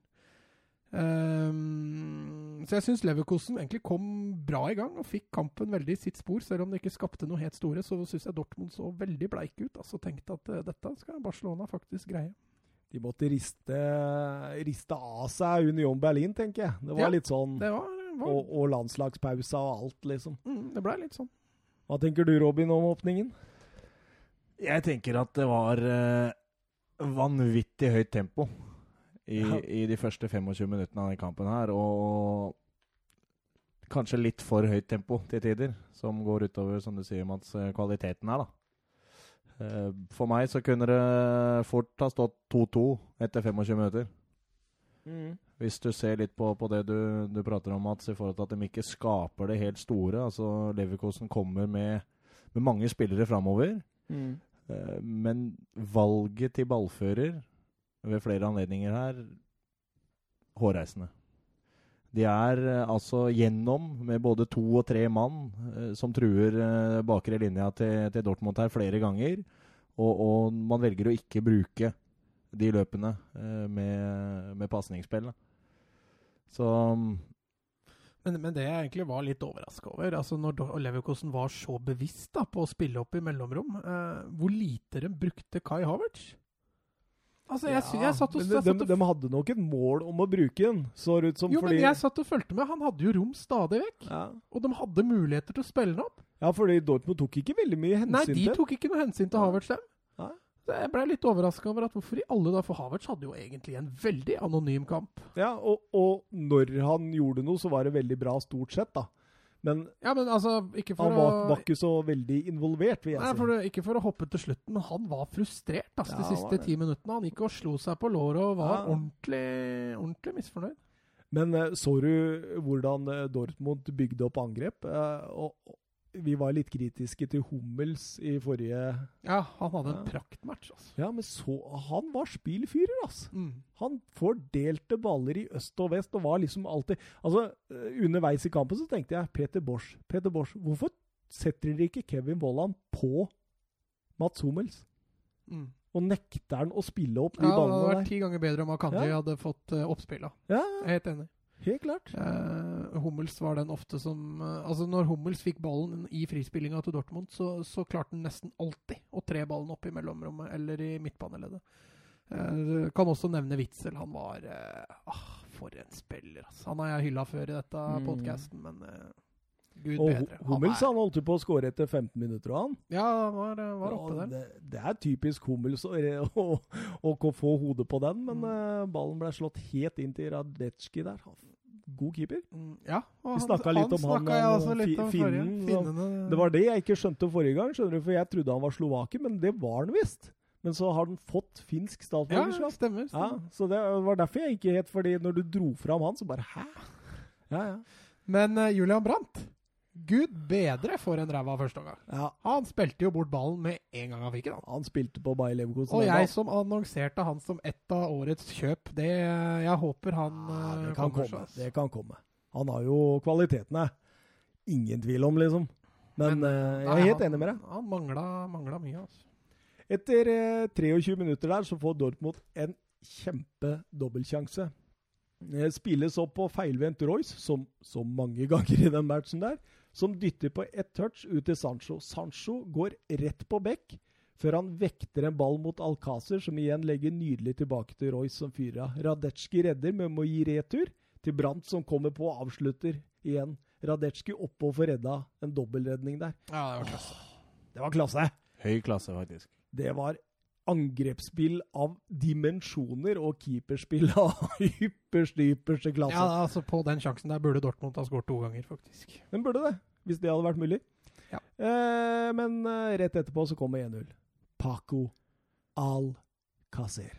Altså, det er fryktelig frispillinga i, i Leverkosen der. Det er, eh, jeg husker jeg ikke i farten hvem som eh, sliter med å kommunisere der, men det er jo grusomt det Leverkosen-spillere gjør der. Eh, Hakimi bryter.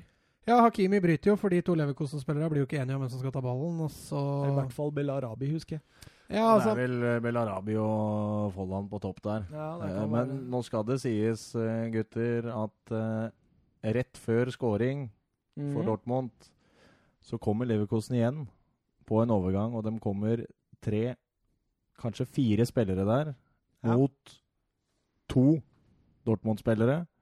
I en overgang hvor man blir lokka til å spille ut venstre, og så kommer man over og får blokkert en avslutning fra, fra skrått, hold der. Mm. Jeg føler at det fram til Fram til eh, Dortmund scorer, da, så er kampen litt sånn. ja. Leverkosen, dere ser på, på statsa her at uh, de har mye ball. Eh, Det kan også være en grunn til så det vi diskuterte her i stad, med, med um, hvorfor man velger ikke låse av Hummels osv. Leverkosen har jo stort sett ballen, Mhm. og, og, Dortmund tar, tar kontringene. eh, sant? Så, så man velger jo ikke å låse av spillere når man har ballen Nei, nei. eh, på, på den siden. Men, men eh, jeg føler at de utnytter overgangene sine for dårlig, Leverkosen her da, i, i starten, og de har en del av dem. Jeg tror jeg har notert meg tre-fire stykker er store, eh, hvor de kan, kan komme igjennom, og så, da kunne det sett helt annerledes ut. men, men tror du ikke Leverkosen Nei, Dortmund tillater Leverkosen å ha mer ball, i og med at eh, Dortmund er et så godt kontringslag? Jo, De, det, de har jo sikkert gjort lemmeleksa si, de også. At Uh, Ja, for jeg, jeg tenker litt sånn at Lucian Favre kanskje eh, prøvde å skape rom ved å få press på seg. Ikke Ja, det var det, Ja. det var det jeg snakker om. Ja. At, eh, at det virker som om, om, om Jeg sier ikke at Dortmund ga fra seg ballen, det er ikke det jeg mener, men at de senka seg litt når de ikke hadde ball, for Ja. å skape det overtallet. Det var nok en liten plan av det, samtidig som jeg er enig med Robin i det med at, eh, at Leverkosen eh, men, men, men når kampen blir sånn, da, hvorfor, hvorfor spiller de ikke Leon Bailey? Kan du Ja, men Det er ikke så lett å vite det på forhånd, da, men ja, Nei, men altså, det var jo å, Man kunne jo Altså, det, Dortmund kommer jo ikke med voldsomt mange taktiske overraskelser i løpet av en kamp. Altså, Lucian Favre, han har plan A. Jo, jeg er helt enig. Så det, det er litt rart, syns jeg, at eh, Bosch valgte å kjøre den treeren bak Vollan, men eh, altså, ikke finne plass til Leon Bailey. Han hadde jo Demir Bay også ute. Ja, Amiri ble jo bytta ut ved pause der, så, så han angra nok litt. Men uh, jeg Det er som du sier, Robin. Jeg syns Leverkosten gjør fryktelig mye dårlige valg i overgangsfasen. Eh, og så syns jeg Dortmund egentlig legger seg litt kanskje lavt i forhold til eh, hva man kunne forvente på hjemmebane. Men når du vinner 4-0, så er det jo vanskelig å være for kritisk. Den 4-2-3-1 blir jo en eh, 4-4-1-1 defensivt. Ja. Du ser hvor eh, Sancho og Brandt strekker ut på kanten, og at eh, Royce blir liksom hengende litt sånn i mellomleddet Mm. før Alcácer. da. Så de legger seg veldig ofte bak, og, og, og de, de prøver på en måte Altså, hele planen her er jo å få Leverkosen fram. Få på seg press, spille av presset og kjøre hurtige overganger. Du så det veldig spesielt at de brukte venstresida si ofte med Guerreiro. Guerreiro, er det det han heter? Ja. At han var liksom Det begynte alltid der, Mm. og for å så flytte fort over høyre til Sancho. Mm. At Sancho har fått på seg rom. Og da Det Det, blei jo bra etter hvert. det blei veldig bra Ja, etter det blei veldig bra etter hvert, men det er klart, de, de romma som de gir bort altså Jeg er med på, på det vi sier eh, her, gutter, at uh, man kanskje legger seg og, og vil la dem komme for å så kjøre kontringene i, i kjent stil, men, men det er klart, de romma som blir gitt bort i starten her, er nok ikke bevisst. Nei, det tror jeg. ikke Det er vel etter en, en fem-seks minutter der hvor uh, er det Aranguiz på, på midten der sånn har uh, Belarabi aleine gjennom på venstre og velger å ikke bruke det løpet. Sant? Kommer den pasningen der, så kan det fort stå 0-1. da. Ja, jeg er helt enig. Det var litt sånn forspilte eh, overgangers eh, kamp for eh, Bayer Leverkosen nå. Ja, jeg tror nok når de går gjennom den matchen her og skal analysere den, så tror jeg nok de fikk to grå hår ekstra. i hvert fall. Men over til målet, da. Alcácer han dykker nydelig opp bak, om, bak Jonathan Ta Ja, han, på eh, innlegget fra Hakimi. Ja, men igjen, da. Så den bryter jo foran to spillere som ikke ble enige om hvem som skal ta ballen. Hakimi legger den, til rette egentlig på første touch, slår inn på andre. Både Ta og Bender sover. Eh, Alcázar sniker seg inn bak og får avslutte helt aleine i målet på grensa til offside, men eh, var eh, Og han skårte sitt femte mål for sesongen. Han skåret i alle Bundesliga-kampene til Dortmund denne sesongen. Ja, det stemmer. Han har i tillegg skåra ett i, et i supercupen i Tyskland. Og så kan vi jo nevne at han også har en del på landslaget. Så han, eh, hvis ikke jeg husker rett feil, så tror jeg han har ti skåringer nå, så langt denne sesongen. Ekte måltyv, det der. Rett og slett. Ekte sånn måltyv. Han er liksom sånn spilleklok. Du ser han har noen overhopp og sånt der som er Ja, så det, ja, det kommer jo til det, da. Vi gjør det, ja. Eh, 32 minutter, ny stor dobbeltsjanse til Dortmund. Husker du den, Mats? Samme mønster som eh, tidligere. Opp på en feilvendt Royce som bruker ett touch. Witzel får ballen og stormer innafor 16 og ned til dørlinja. Ut 45 til Delaney, som nærmest sender en pasning mot mål. Jonathan Ta får blokkert. Ballen helt fri, og ballen ligger helt fri. Mye klabb og babb, og Hakimia brenner til via Radetsjkij og i tverleggeren. Ja, det var der det var snakk om en hens. Ja. Ja.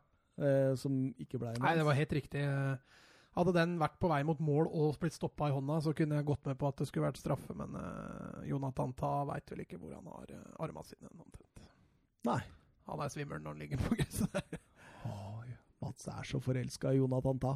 Ja, altså jeg, eh, Ja. Men der er jeg mer. Altså, stakkars eh, mann, hvor skal han gjøre av eh, Nei, det var en armen god der? blokk, Ja. egentlig. Det var jo det.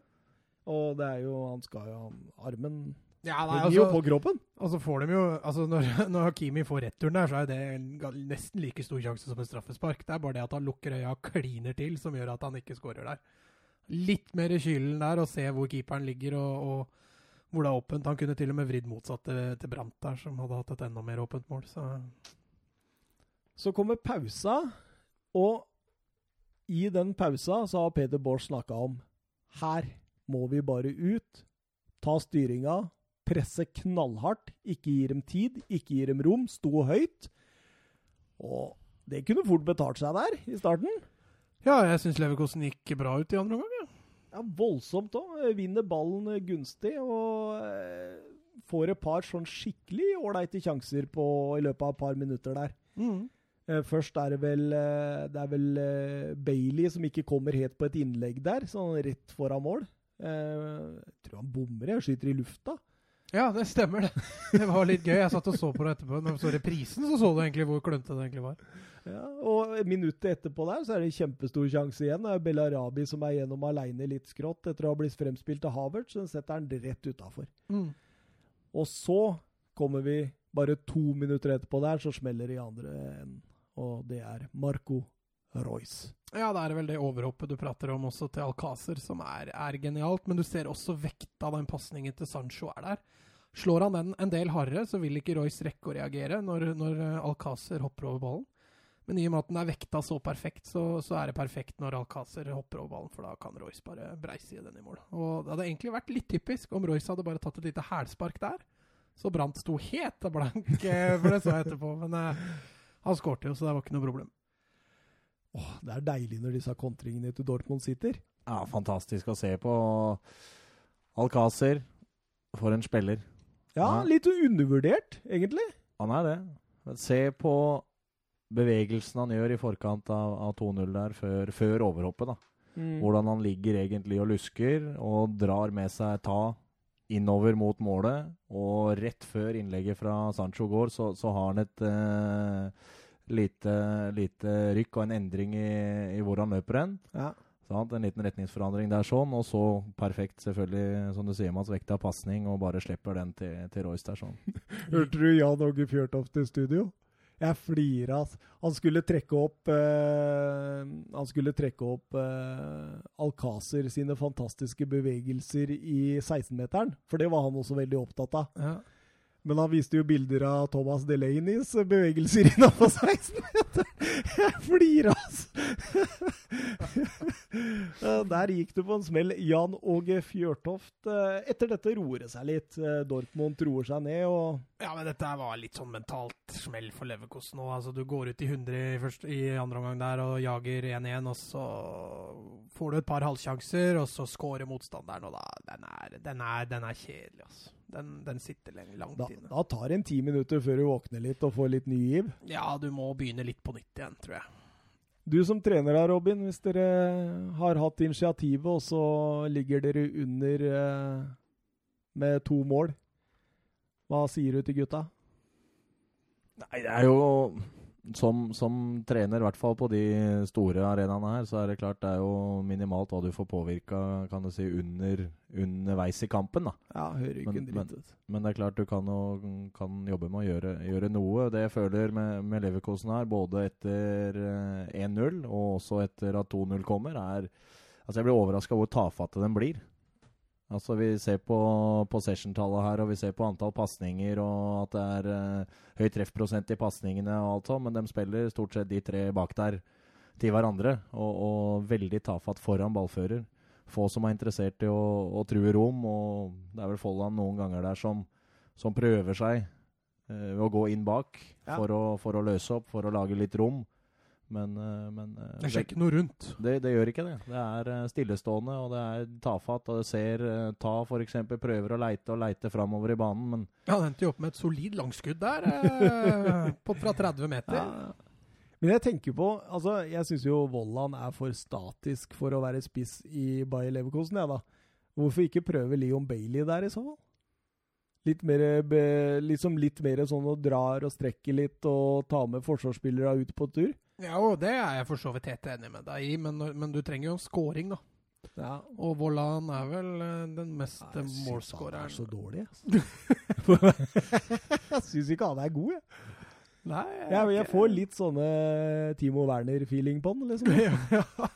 ja, for han er ikke god. Nei, jeg syns ikke han er så god, jeg. Ah. men ja, som, som vi har sagt, da, så har jo kampen roa seg litt ned i lufta, gått litt ut av Leverkosen. Men så prøver de å gjøre et uh, forsøk igjen, og de begynner å flytte litt opp. Uh, og da skaper de jo enorme rom. Det er en sånn siste, siste krampetrekning. Mm. Og, og da ser du jo det Der er det jo en mønsterskåring på 3-0 av det jeg snakka om i stad, om hvordan de altså samler hele spillet på én side, for å så flytte med Altså frispille og flytte ut på den motsatte sida lynhurtig. Der er Sancho. Det er han hver gang. Det er ikke rart han får så mye assist, vet du, og så mye Når han blir så spilt inn i sånne gode, gode situasjoner. Ja, altså jeg syns Dortmund er veldig flinke til å spille Sancho god. Eh, de har en plan også for å, for å spille han god, eh, og når i tillegg har Sancho har de kvalitetene han har, så, så er det ikke så vanskelig å se at han, han er viktig for Dortmund, og, og Dortmund er nesten blitt litt sånn at de legger opp spillet litt etter Sancho. Ja, absolutt. Eh, Det er vel eh, Rafael Gueiro som eh, kommer på den inne, inne i 16 der og setter den. Ja. Han som starta det egentlig på venstresida der. Ja. Stemmer det. Han, han, Sancho slår inn, så er det keeperen som slår den ut til Guerreiro, som setter den i åpent mål. Og det lille halmstrået til Leverkosen blei brått. Altså På det tidspunktet så så du jo Dortmund hadde begynt å tenke på Champions League. Hadde jo begynt å gjøre noen bytter og sparte Witzel, og, og Brandt hadde blitt tatt av. Riktignok ikke nok for å bli spart, men han, han var svak. Eh, Men, men de hadde begynt å tenke litt, og når 3-0 kommer der, så da er det game set og match. Så kommer 4-0. Ja da, de pynta på ytterligere, men da Nå snakker vi om et Leverkosen-lag og en Kai Havertz som var eh, sterkt frustrert og rett og slett litt uh, misfornøyd. Og, og hvis Leverkosten på 2-0 var uh, tafatte, så skal jeg love deg at de var det på 3-0. Ja, formalitet at Marco Royce uh, setter 4-0 der. Eh, men det, det er jo som du eh, var inne på, Robin, at det, det er ikke så rart at de blei litt frustrerte, for de følte jo kanskje at dette, denne hadde vi en sjanse til å ta litt poeng i. Ja, det er klart de hadde, hadde det. Jeg syns de Som jeg sa, jeg syns eh, starten av kampen er eh, Det er en morsom kamp å se på. Det er eh, høyt tempo. Det, jeg syns Leverkosen spiller fin fotball. Men, men det blir litt lite ut av det da, når de ikke klarer å, å utnytte de rommene de skaper egentlig i, i starten av kampen. Mm. Jeg var glad vi valgte det som hovedkamp. jeg satt og så Det på. var morsomt. Ja, det var fint. Det var en veldig gøy kamp. Eh, Fantasy-poeng her, eller skal vi bare rulle videre? Ja, skal, vi ta, skal vi rulle videre og ikke ta fantasy? Var det det du mente? Ja, skal vi fantasy-poeng her? Skal vi bare rulle videre? Ja, for jeg må få den opp, ja, så du kan uh, ta den imens. Sa jeg noe gærent? Jeg så Robin hadde en spontan en der òg. ja, jeg kan ta den. Eh, Nei, nå har jeg fått den opp, hvis du vil ha det.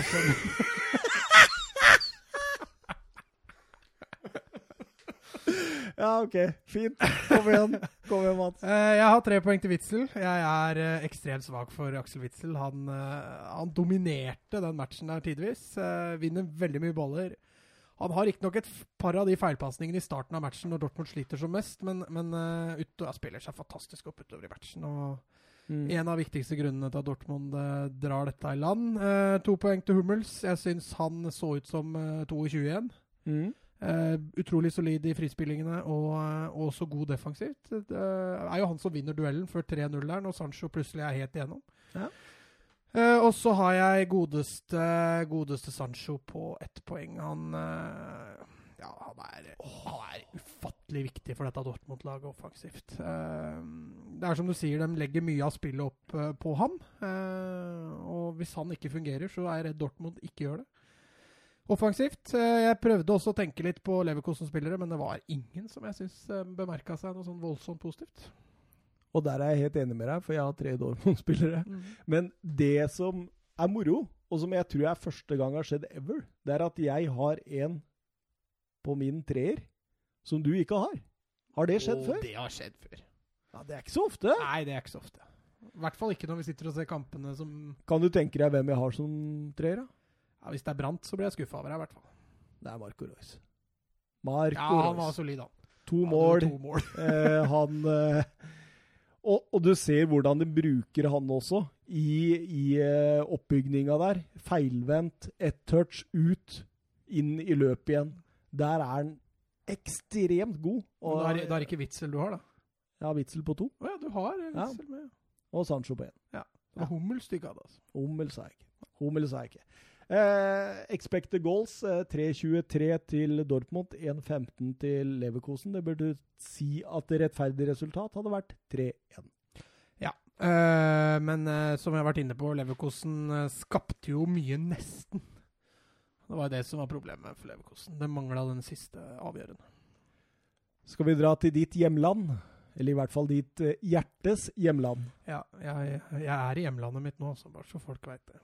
Vi drar til La Liga. Eh, Du er glad i La Liga du òg, eller Robin? Veldig glad i La Liga, Thomas. Ja, du er, du er eh, det er, er det favoritten, eller? Ja. ja. Men du eh, har vært i Elche og sånn, har du ikke det?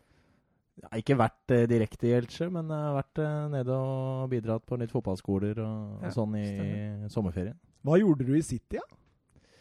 Nei, I Prøvespill. City Ja, prøvespill. ja. Nei, ja.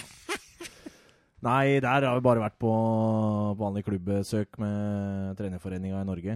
Ja, ok. Så det er interessant å komme inn og få se litt uh, hvordan de jobba på den tida. Det er jo mange år siden nå. Har du vært i flere klubber sånn, eller? Rundt og reisa? Ja, jeg har vært uh, i begge Manchester-klubba. Og så har jeg vært i Everton. Everton òg, ja. Hvilken klubb har imponert deg mest, da? Det er klart, det er jo begrensa hva du får se, da. Når du Ja. kommer med en så stor gruppe som man reiser med på sånn uh, trenerforeningstur. Du sitter ikke én mot én med Ferguson og sånt, liksom? Du gjør ikke det. Eh, men, uh, men det er klart, måten de uh, jobba på i, i Everton, og sikkert uh, gjør enda, uh, syns jeg var imponerende. Everton tar stega, de. Selv om det ble et skuffende tap i helga. 1-3 mot Joshua King og hans uh, Bournemouth. Ja, men Bournemouth imponerte. Ja, Eddie Howe. Vi snakka om han også i diskusjonen før her, om eh, det med hvem som var best trener. Mm. Det var litt i forhold til ressurser, det. ja, mye ressurser, da, for det, de ressursene de er ikke oss. Men vi var La Liga vi skulle snakke om nå, var det ikke det? Stemmer. Vi kjører Real Mallorca mot Athletic Club. Bilbao. Fre fredag kveld. 0-0. Ja, øh, var en ganske kjedelig match fram til sånn 70-75 minutter. Ja, det tok litt tid før øh, våkna han der. Det var, øh, nei, det var to lag som nesten så ut som var veldig fornøyd med 0-0, og prøvde å trekke ned tempoet så godt de kunne, begge to. Og så eksploderte det vel de siste 75. Det blei plutselig veldig mye action, mye, mye trøkk fra tribunene, og to brente straffespark.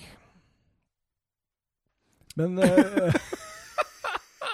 Hva er det? Nei, du Nei, fortsett. Ja, men jeg, jeg, jeg sa jo at dere skulle ta det. da. Ikke bland meg inn i dette. Jeg har ikke sett kampen, jeg. Nei, ikke sant? Jeg, jeg, har ett spørsmål til deg i forhold til denne kampen. Ja. Det er eh, hvor god er denne Takefusa Kubo? Han, eh, han var kul. Ja? Altså, god, det var litt tidlig å se, men eh, men det var han som skaffa straffesparket til Mallorca. Herlig finte. Blir, får et lite kakk på, på hælen der, og han legger seg riktignok litt lett, men, men et greit straffespark. Eh, Mallorca svir den, og fortsatt 0-0. Men eh, han, var, han var frisk, altså. Mm. Ja, det er klart han kommer jo inn og tilfører noe eh, Absolutt. som kampen ikke har hatt da, fram til det tidspunktet. Så spennende. Spennende spiller. Fra Japan, eller? Ja, han har, gått, eh, han har vært i La Masia. han. Ja. Han fikk ikke Han var en av de som uh, gjorde at Borsa fikk overgangsnekt. Ja, ok. Så han fikk jo aldri spilletillatelse i Barcelona, så han trente jo masse. Ja. men ikke fikk spille kamper. Kjedelig. Eh, så han dro tilbake igjen til, til eh, Var det Japan, da? Nå husker jeg ikke helt. Før, eh, før Real Madrid som sagt kjøpte han og leide han ut til, eh, til Mallorca. Men eh, jeg syns han var, eh, var meget frisk, og jeg tror vi kan få, få se noe spennende han i Mallorca. Han, han har den X-faktoren som eh, ikke alle i Mallorca har. Ja. Det blei 0-0. Eh, Athletic eh, Club er på fjerdeplass i La Liga. Imponerende. Ja da, eh, jeg kan jo nevne at de fikk som sagt det straffesparket på overtid. Den kampen varte jo i nesten 100 minutter. Eh, Det måtte jo sjekkes på VAR og sånn, i mine øyne. Litt billig straffe, men VAR var inne og sjekka og mente at dommeren ikke hadde gjort noe feil, så Ja. fikk ta han. Adoris. Oh, Helten fra Barcelona-kampen? Ja, han ble ikke helt nå. Nei. Eh, Atletic har bare sluppet inn ett mål på de første fire kampene. Ja, de har vært bunnsolide defensivt. Eh, som du påpekte før sending, ikke vært all verdens eh, artig å se på offensivt. Men eh, Jeg tror det er på hjemmebane de ønsker å, å underholde. Bortebane tror jeg ikke de er så opptatt av hvordan de får poeng, eh, bare de får poeng. Veit du hvem som er den eneste spilleren som har scora på dem i La Liga i år? Å, der er du slem. Eh, Da må du, da må du gi meg eh, Ja, kan du si det, Robin? Ja, Jeg veit det, jeg. Ja, kom igjen. Nei, Mats. ja, Nei, nå må jeg gå tilbake. Jeg, jeg, jeg jukser, jeg nå. Altså, jeg går på Ja, men det, dette er Men da kan jo Robin si det, og imponere ja, ja. istedenfor at du skal finne det ut på Google, liksom. Det er Mr. Rødegård, det. Nei Mr. Ødegaard. Han har ikke møtt eh, Bilbao. ennå. Jo, han har det. Nei, Nei det er det ikke. Nå eh, Du snakker blander jeg om. Ma Mallorca, jeg vet. Ja, ja, det gjør du. Det er motstanderlaget, det, vet du. Det er helt Ja, riktig. Men uh, det var eh, forrige serierunde, var det ikke det? Uh, Mot Getafe. Mot Getafe. oh. Verdens beste Mata. Mat. Jaime Mata. Går det an å blande sånn, da? Ja, det går an, det. Når, altså, du Vi- har, vi det, det er jo jo han, 50 riktig. Vi- Vi kommer jo til han seinere her, så jeg var- var litt ivrig, bare. Ja, jeg skjønner at du er ivrig å snakke om Er du i familie med ham, eller? Nei. Nei. Det er bare to Ødegårder i Norge. Det er eh, Robin og Martin. Ja, Og så Hans Erik, da. Ja, tre, da. Ja, tre Ødegårder. Matta har aldri vært uh, Mats sin store forskjær i Nei, jeg fikk igjen skolepengene mine, så jeg er fornøyd. Eh, Real Madrid Levante 3-2. Eh, jeg trodde dette kunne bli en sånn snublekamp for Real Madrid. Ja. Ja, det var ikke så langt unna du fikk rett. Nei, det var ikke det. Så litt på Eh, hvordan de hadde spilt på Santiago forrige sesong også. Det var uavgjort. Ja, stemmer. Eh, Det ble vel 1-1, hvis ikke jeg husker feil.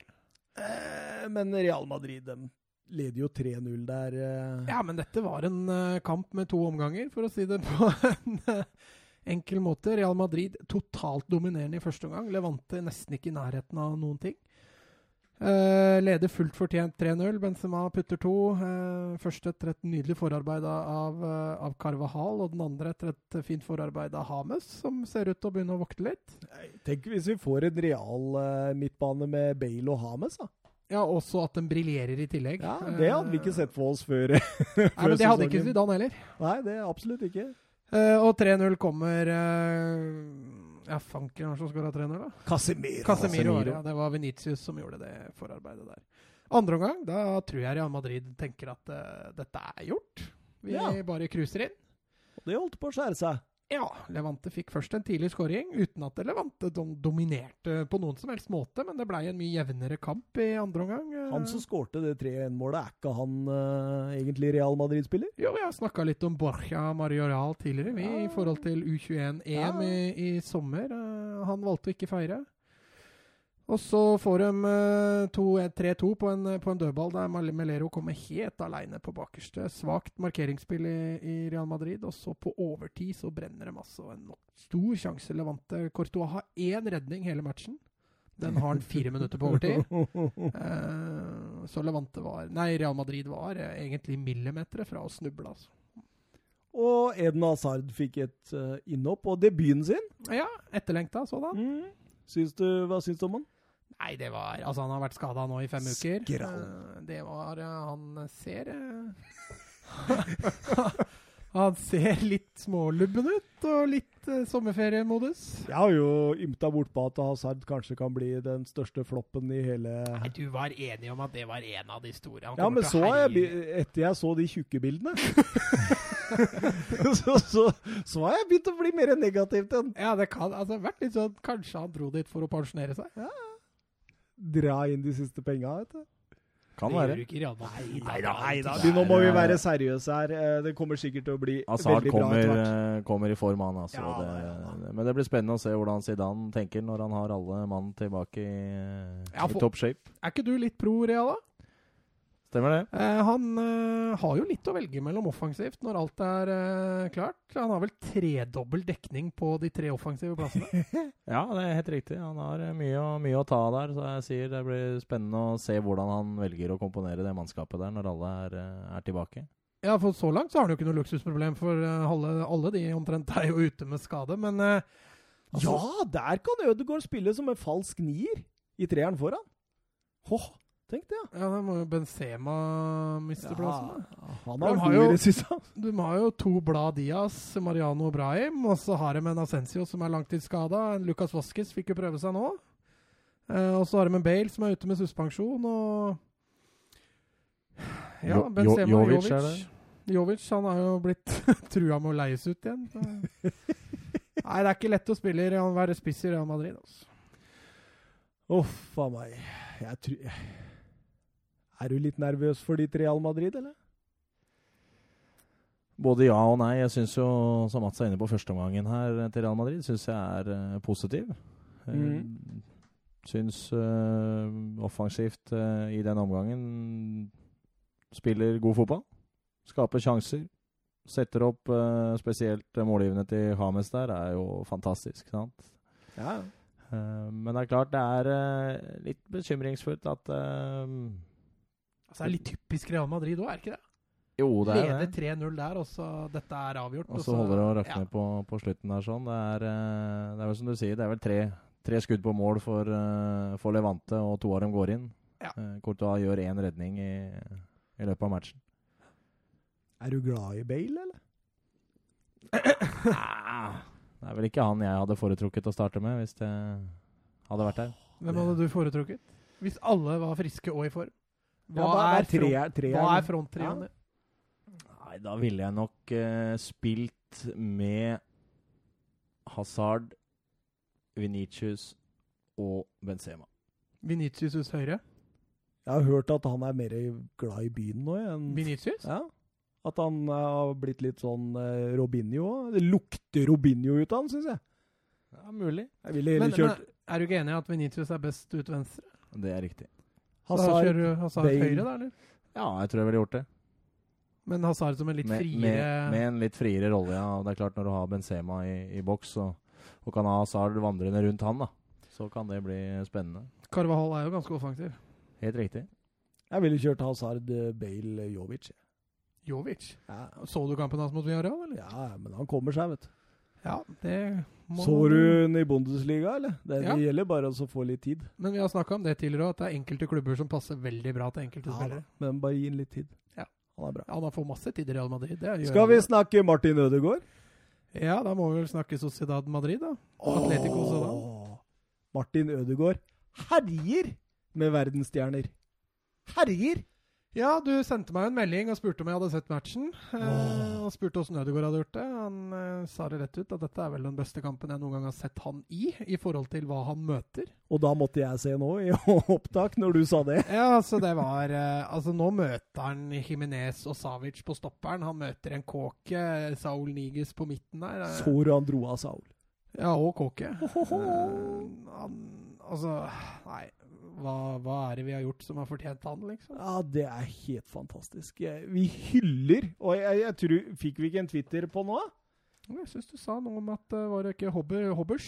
Hobbers, Hobbers ja, han er, han er. Nå må jeg finne det fram, så nå må dere holde skuta i gang. her. Flytende. Ja, ja, ja. Nei, jeg, jeg syns Real Sociedad De skulle jo åpne Nya Noeta med, med, med en hjemmekamp mot Atletico Madrid. Har jo starta sesongen med, med tre bortekamper. eh.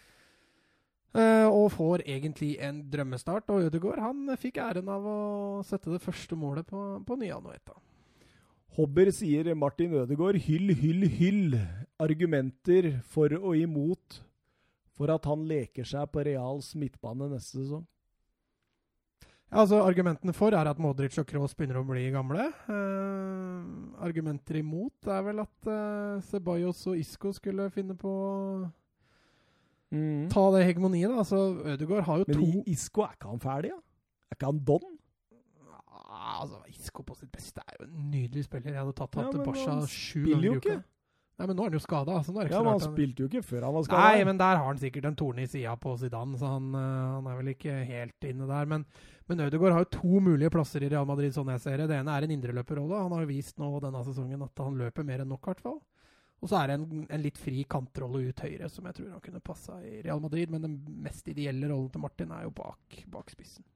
Så skrev du til meg eh, Nå skal det sies at eh, Zidane har eksperimentert med eh, Isco bl.a. hengende bak eh, mer to spisser også tidligere. Så Ja da. det, ja.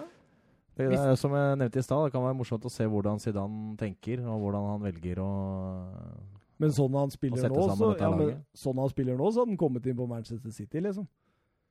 Han er, han er helt fantastisk. Altså, ja, den matchen han leverte mot Atletico Madrid, det var øverste verdensklasse.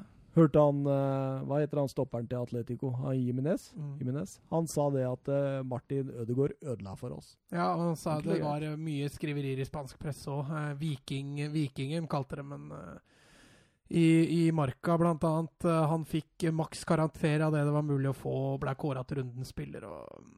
Nei, det er ikke bare her i Norge vi hyper han. Altså. Han har fått mye overskrifter i Spania òg. Men skal vi hype Real Sociedad som lag, eller? Ja, ja, vi har jo Vi, vi snakka jo litt om dem, husker du tabelltipset? Ja, ja. Eh, Det var et av, lagene, et av få lag jeg ville ha høyere. Ja. Eh, og jeg tror jaggu Vi var litt skeptiske til det defensive. Ja, også, også den unge alderen. Det var vel det som, Mm. som felte dem litt. Men det de har vist så langt denne sesongen, tyder på at det er fullt mulig for de å havne topp seks, i hvert fall. Jeg har ikke så mange notater her, men det jeg har skrevet angående denne kampen, det er at jeg synes de så enda bedre offensivt ut også, når de tok ut Janusai og William José, og inn med Porto og Alexander Isak. Nei, jeg er helt enig. Eh, Det er flere som har nevnt at jeg syns det er rart at Janusai og José har fått så mye spilletid. For dem har vært, det har nesten vært litt Janusai er dårlig. Han er svak, og José har vært lite skapende. Isak eh, er bedre i forhold til at han er bedre å bruke i, i oppspillet for, for Sociedad, ikke bare, ikke bare i boks. Eh, I boksen så er jo San William José meget god. Men uh, Lopetegi, eh, for å gå over til neste kamp, eh, maskineriet han eh, setter i gang i Sevilla, det ruller videre. Ja, altså han altså Alaves Sevilla 0-1. Ja, altså han jeg har, Nå har jeg sett eh, alle matchene til Sevilla. Jeg har liksom ikke blitt sånn ordentlig imponert ennå, men allikevel altså, så leder de. Grinder ut resultatet. Ja, altså Det har vært ettmålsseire og uavgjort den ene hjemmekampen de hadde, da, men uh, det er jo et, eh, vil jeg tro, er et positivt tegn for Sevilla. At de har ikke, liksom ikke fått ut potensialet sitt skikkelig ennå, men allikevel så vinner de fotballkamper. De henta en Det er jo noe solid over Sevilla uansett, da, tenker jeg. Ja, ja. I det de har levert så langt. Hva hadde vi dem på tabelltipset? Ka- Fjerde. Ja, vi hadde dem på fjerde, ja. Vi dytta jo heldigvis Valencia ned på femte. ja jeg sitter med det her. Ja, vi gjorde det. Vi dytta Valencia ned på femte, vi, ja. Og så har vi Sociedad på åttende. Ja, Atletic på sjuende. Betis på sjette. Jeg tror vi har Betis for høyt, jeg. Betis eh, virker Altså, vi venter fortsatt litt på Ruby og, og Betis. De, de ødelegger for mye for seg sjøl uten at de nødvendigvis eh, har vært så dårlige som resultatene tilsier. Men, eh, men eh, ja, det er litt tidlig å konkludere ennå. Hva syns du det du ser her, Robin? Er, eh, ser bra ut, det. Real Madrid på tredje, er du enig? Ja, akkurat nå så Kanskje vi traff? Kanskje vi traff? Kanskje vi traff der, ja. Eller dere. Vi har jo en sånn liten pågående en uh, sette, sette i stand av Jørgen uh, Nystuen, vet du. Han har jo utfordra oss i forhold til La Liga Loca, er det det det heter? Ja. Stemmer det. Og Petter Wæland. Eh, han blei med, så vi, eh, vi skal telle opp eh, slutten av sesongen, og så skal vi finne en passende straff, skråstrek premie. Spennende. Ja. Jeg så han ene i La Liga Loca, han skrev sånn der på Twitter her etter, Åh, etter det som hadde skjedd med Valencia nå, Ja. åh, hvorfor satte vi dem så høyt opp? Ja. Der hadde vi en plass ned, vet du. Men jeg, jeg ser ut som vi driter oss litt ut i bånn, da. Og, Granada har jo fått en fantastisk ja, men det kan feile. Ja, det kan, Ja, det kan Det kan snu fort, da. Ja da, absolutt. Men eh, Sevilla de gjorde noe genialt. De henta en eh, midtbanespiller fra Eibar i sommer, som ikke er blitt nevnt så mye, men han har vært matchvinner på begge borteturene deres. Ja, jeg, men jeg nevnte det, jeg. Jeg sa at dette ble et eh, strålende kjøp. Eh, han hadde en fantastisk sesong i Eibar i fjor, og tror faktisk det er litt av grunnen til at Eibar sliter så fælt i år.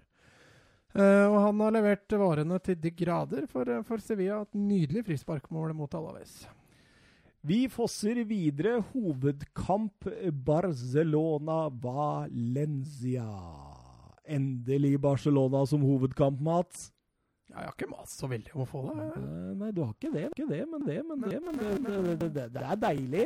Det er hyggelig å følge litt ekstra med. Etter en noe ruskete åpning på sesongen av Barcelona, en eh, god hjemmekamp mot Betis, eh, 5-2-seier og to dårlige bortekamper. Eh, nå var Barcelona tilbake på noe kamp, og, eh, med tanke på at de møtte Valencia med store administrative utfordringer, kan vi kalle det det? Eh, Ja, jeg syns det er fornuftig. Syns det er greit. Peter Lim, Alemeni, Marcelino, sparken. Går Alemeni òg nå, eller? Ja, det er sterke rykter om at Alameni er på vei ut, men han satt nå på tribunen på Kamp Nou på, på Ja, lørdag. han gjorde det. Han gjorde det. Kanskje det var Tror du det var han som ansatte Albert Celades? Eller tror du det var Peter Lind? Det kan, ja, det er ikke så godt å si. Albert Celades er jo en, er jo en, eh, en litt umerittert trener på klubbnivå. Har jo hatt litt eh, lag og, og vært hjelpetrener i, på U-landslagene til Spania. Ja. Men han er jo en eh, katalaner av opprinnelse. Starta jo karrieren i Barcelona, så han, eh, han er absolutt en fotballkyndig type. Ja, Så det å være katalaner, det Det hjelper veldig. hjelper. altså. Da er, du, da er du som regel født med en fordel. Ikke sant, Robin? Stemmer det. Jeg hørte noen rykter om at uh, det var enkelte Valencia-spillere som gråt når uh, Marcelino måtte gå. Ja, du hørte også Parejo etterpå at uh, altså han, uh, han sier at ja, det er nå vi må stå sammen og sånn, men man, man skjønte jo det at dette var ikke, dette var ikke heldig for, uh, for Valencia. Verken for spillergruppa eller for fansen eller, eller for noen. Og Marcelino sa det jo også på pressekonferansen etter at han hadde fått sparken, at at eh, det virka som eh, Peter Lim ikke brydde seg om Copa del Rey-seieren i fjor i det hele tatt, og tvert imot hadde fått beskjed om å legge seg og, og, og prioritere å komme til Champions League. Og nå greide de jo faktisk begge deler, og allikevel så, så får han sparken. Så det er tydelig at han eh, virka som han nesten hadde bestemt seg. Den nye mannen Albert Celades han har jo vært assistenten til Lopetegi i Real Madrid. Stemmer. Ja, det er, det er artig. Og nå skal de muligens opp mot hverandre i, i storkamp. Ja. Eh, men eh, over til eh, Barcelona. Har ikke vunnet mot Valencia sist sesong. To i ligaen, én i finalen i Copa del Rey. Mm. Det er to uavgjort og ett tap. Ja, Tilsvarende oppgjør endte 2-2. Messi skårte begge for Barcelona, mens Gameiro og Parejo skårte for Valencia. Messi fortsatt ute. Messi fortsatt ute. De drev og snakka om at han kunne vært tilbake, med han. Ja, han er i troppen nå mot Dortmund i morgen, han er det, ja. så han er ikke så langt Tror du han starter, eller? Nei. Nei. Barcelona ut i sin vante 4-3-3 med Charles Perez, Grismann og Ansu Fati, 16-åringen, på Ja. topp. Eh, mens eh, Valencia mønstra en 4-4-1-1, hvor Rodrigo skulle jobbe rundt Gameiro offensivt. Ja. Eh, her er det jo en kamp vi må begynne rett på et mål. Det var jo rett i det. Ja. Ansu Fati. ja. 16 år og 315 dager eller noe. Ja. Ja, det er helt vilt, altså. Ja, jeg, jeg hadde jo ikke hørt om han engang før han liksom dukka opp første gang. Det hadde Nei. sikkert du, da, men Ja, altså jeg leste jo noe om dette i sommer, når vi snakka så mye om alle disse talentene Barcelona mista. ja. Eh, så var jo Ansu Fati og en til på dette juniorlaget de greide å beholde, som var ønska av andre klubber. Så jeg hadde, jeg hadde så vidt hørt om Ansu Fati før, eh, før sesongen. ja men jeg syns han Charles Perez også er god. Ja. Bedre toveis, liksom. Han er frisk. Ja. Eh, Hvor gammel er han? han er 21. Ja, Litt mer habil alder. Han er jo fortsatt registrert på B-laget. Men kunne Ansu Fati spilt for Robin for, i Lillestrøm? Uh, nei, han blir 17, så da blir han egentlig ett år for, for gammel. Ja.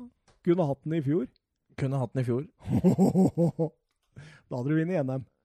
Ja, kanskje. Tenk Ansu Fati bare Han er god, altså. Leste på, på Twitter her at uh, Ansu Fati er den yngste spilleren i La Liga-historien med scoring og målgivende pasning i en og samme kamp. Ja. Mats nikker eh, bekreftende. Eh, 1-0, to minutter. Ansu Fati, assist Frenkie de Jong. Barcelona bygger opp fra høyre. Perez finner Frenkie de Jong skrått på rundt 16 meter. Eh, Spiller ballen inn på straffemerket, hvor Fati kommer stormende. Setter ballen direkte ned i hjørnet til Sillesen. 16-åringens andre mål for Barcelona. Utrolig passiv forsvarsspill av Valencia der. Ingen følger løp, ingen går i press. Og Gabriel Paulista han blir jo finta ut av løpet til Perez i forkant der, som gjør at han ikke kommer opp i Frenkie de Jong. Ja, det er to Hvis vi skal hylle Barca først, så er det Frenkie de Jong egentlig som gjør det målet. Perez eh, prøver å invitere til en vegg med, med de Jong. Eh, De Jong finter pasning tilbake igjen til Perez, som setter Paulista ut av spill. Eh, vender opp, slår inn, Fatih Fati løper ballen i mål. For å kritisere Valencia sitt forsvarsspill her, så er det jo For det første ligger det mann-mann inn i 16-meteren på, på Grismann og Fati som kommer inn der. Eh, det er vel eh, Vass som ikke følger løpet til Fati, eller han er i hvert fall altfor treig i Mm. Og så er det som du sier, Gabriel eh, Paulista der som ser ut som han er 102 år når han bestemmer seg for å bare Jeg lurer på om Gabriel Paulista er den dårligste stopperen i et topp seks-lag i de største ligaene ever. Altså, Han konkurrerer jo med et par i Arsenal, da. Ja, og så var det et par i Manchester United Ja, et i par sin i tid. Manchester United. Ja. Men uh, det, det er ikke langt unna. Han, han har jo vært i i, Arsenal, det er i konkurranse med noen her, da. Ja, det, det, han, Det er jo det, men Han er så svak, han. Ja, Hver altså- eneste kamp jeg ser han, så tenker han at Vet du at du hadde ikke kommet inn på Lillestrøm engang, gutten min! Eh, jo. Hadde han det? Nei. Tam og Salkvist? Nei, det er ikke snakk om. vi, vi valgte å hente Bekker. Ja, vi sier ikke mer, liksom. Eh, 2-0 eh, fire minutter etterpå. Frenkie de Jong, og da var det rollene bytta om. Ja. Ansu Fati som kommer seg rundt på sida der. Og da er det Garay som ser ut som han er 102 år gammel når eh, Ansu Fati danser forbi der. Ah, det er latterliggjøren Garay. Ja. Og legger ut 45 der, og der kommer Frenkie de Jong. For Og- en enkel jobb. De to spillerne har nesten avgjort kampen etter seks minutter. Det er nesten sånn. Du sa det, Jeg tenkte at det her kommer ikke Valencia tilbake, men, de gjorde jo et forsøk. Ja, altså det, Vi snakka litt før sending. Jeg syns de ti første minuttene til Barcelona er, eh, er noe av det beste jeg har sett på lenge. eh, I forhold til det aggressive, høye presset i gjenvinninga. Eh, Valencia kommer seg nesten ikke ut av egen banehalvdel en eneste gang i løpet av ti minutter. For Barcelona både dominerer ballen på Valencias banehalvdel, eh, og når de mister den, så vinner de en dritfort tilbake igjen. Eh, to, tre, fire mann i press, og, og Valencia har ikke peiling på hva de skal gjøre. Eh, sånn at eh, de ti første minuttene så tenkte jeg at dette blir 10-0 hvis dette skal fortsette. Men, eh, men eh, Valencia de, de justerte lite grann. De, de måtte jo gjøre det. Eh, greide å spille av presset etter hvert, men, men fortsatt så sleit de jo med å, med å sette opp Gameiro i bakrom. Det var jo det som åpenbart var, eh, var planen. Måtte involvere Parejo litt mer. Han var jo helt, helt usynlig. Ja, det i første ti minutter kvarteret så, så var ikke Parejo involvert så veldig mye.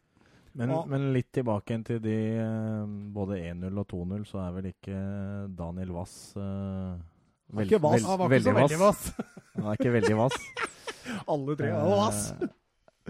Eh, For, for uh, på 1-0, som du er inne på, Mats, så, så for meg veldig passivt uh, forsvarsspill inne i, i boksen. Jeg, det ser jo ut som han har uh, OK kontroll på hvor Ansu Fati er posisjonert, og, og, men følger ikke løp. Uh, 2-0 også, så begynner det jo egentlig med hans posisjonering. Og gjennombruddspasninga er det vel Arthur som, eh, som slår. Når, når eh, Vass eh, støter fram der på Ansu Fati, så kommer løpet inn bak og, og pasningen inn i rommet der sånn.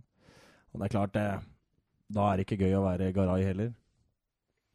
Nei, jeg tror han følte seg litt aleine der. Når Fati kommer i fart mot deg der inne i 16-meteren, da, da skal du ikke tråkke mye feil. altså. Og Han kunne skåret 3-0 òg etter 15 minutter. der. Køle ballen via beinet på Garay og ritt utafor krysset. Ja, når jeg så Sillesen valgte å kaste seg der, så tenkte jeg at den sniker seg vel jaggu inn, sånn dytten han her, men den eh, gikk rett på utsida. Barcelona er ekstremt god til å doble på kant, eller? Ja, altså de er i hvert fall to meget offensive backer. Semedo er jo ikke vanskelig å be, og det er i hvert fall ikke Jordi Alba. Så det var ikke så Altså, Ansu Fati trakk mye inn. Perez Mm. var mer disiplinert i forhold til å bli på kant, så det skjedde mye på, på høyresida i forhold til dobling, mens Alba hele tiden søkte inn bak bekken til, eh, på Daniel Wass på, på venstresida. Eh, de angrep jo nærmest i 2-3-5 en periode der. Ja, eh, Busquets prøvde jo så godt han kunne å holde fortet, men det var ikke så veldig vanskelig mot det der i Valencia-laget der. Dem, det var, det var stusslig, spesielt første ti minutt kvarteret. Var, eh, det var fryktelig, altså. Man kan ikke ha vært ålreit å være trener der. Du så han hadde mest Altså, det som var eh, Celades store mål for kampen, det var altså å ta ut indreløperne til Barcelona. Ta ut romma. Det så du veldig. Og så, fant han ut at nei, men det funker jo ikke, for da gir jeg bare større rom til kantene. Så det, var, det, var, det er en sånn avveining. Hva skulle han gjøre? Han fant ikke helt ut av det før jeg sto, satt 2-0 der. Nei, altså Det som er veldig vanskelig når du møter så uh, possession-orienterte lag da, som, som Barcelona altså Du har lyst til å spille 4-4-2 med veldig trang midtbane for å ta ut, uh, ta ut indreløpere. Uh, men da inviterer du jo bekker, offensive bekker mye mer med i kampen, og, og han var nødt til å gjøre en overveining der. Og så så du jo det at pga. at de sto så høyt, da, så måtte jo hele tida Ferran Torres og Guedes ned.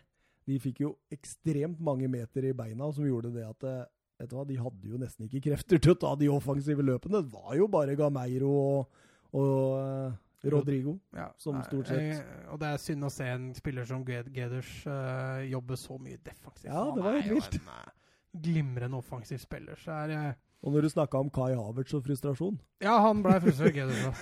og det på lik linje med Havertz. Veldig forståelig. Men så skårer Valencia, da. Ja, fint mål òg. Ja. Veldig fin skåring. Gameiro er bra. Ja, setter opp han aleine med keeper, så, så, blir det ofte mål. Eh, da fikk jo drømmeposisjon der, da. Kommer inn i rettvendte rom uten å bli ordentlig tatt ut, uh, tatt ut det løpet der. Og hvem er det som slår ned nå? Husker du? Det er Rodrigo. Rodrigo. Rodrigo ja. ja. for det spilles opp fra Parejo til Rodrigo, som sender ut. Og han tar det løpet bak Lenglet. Mm.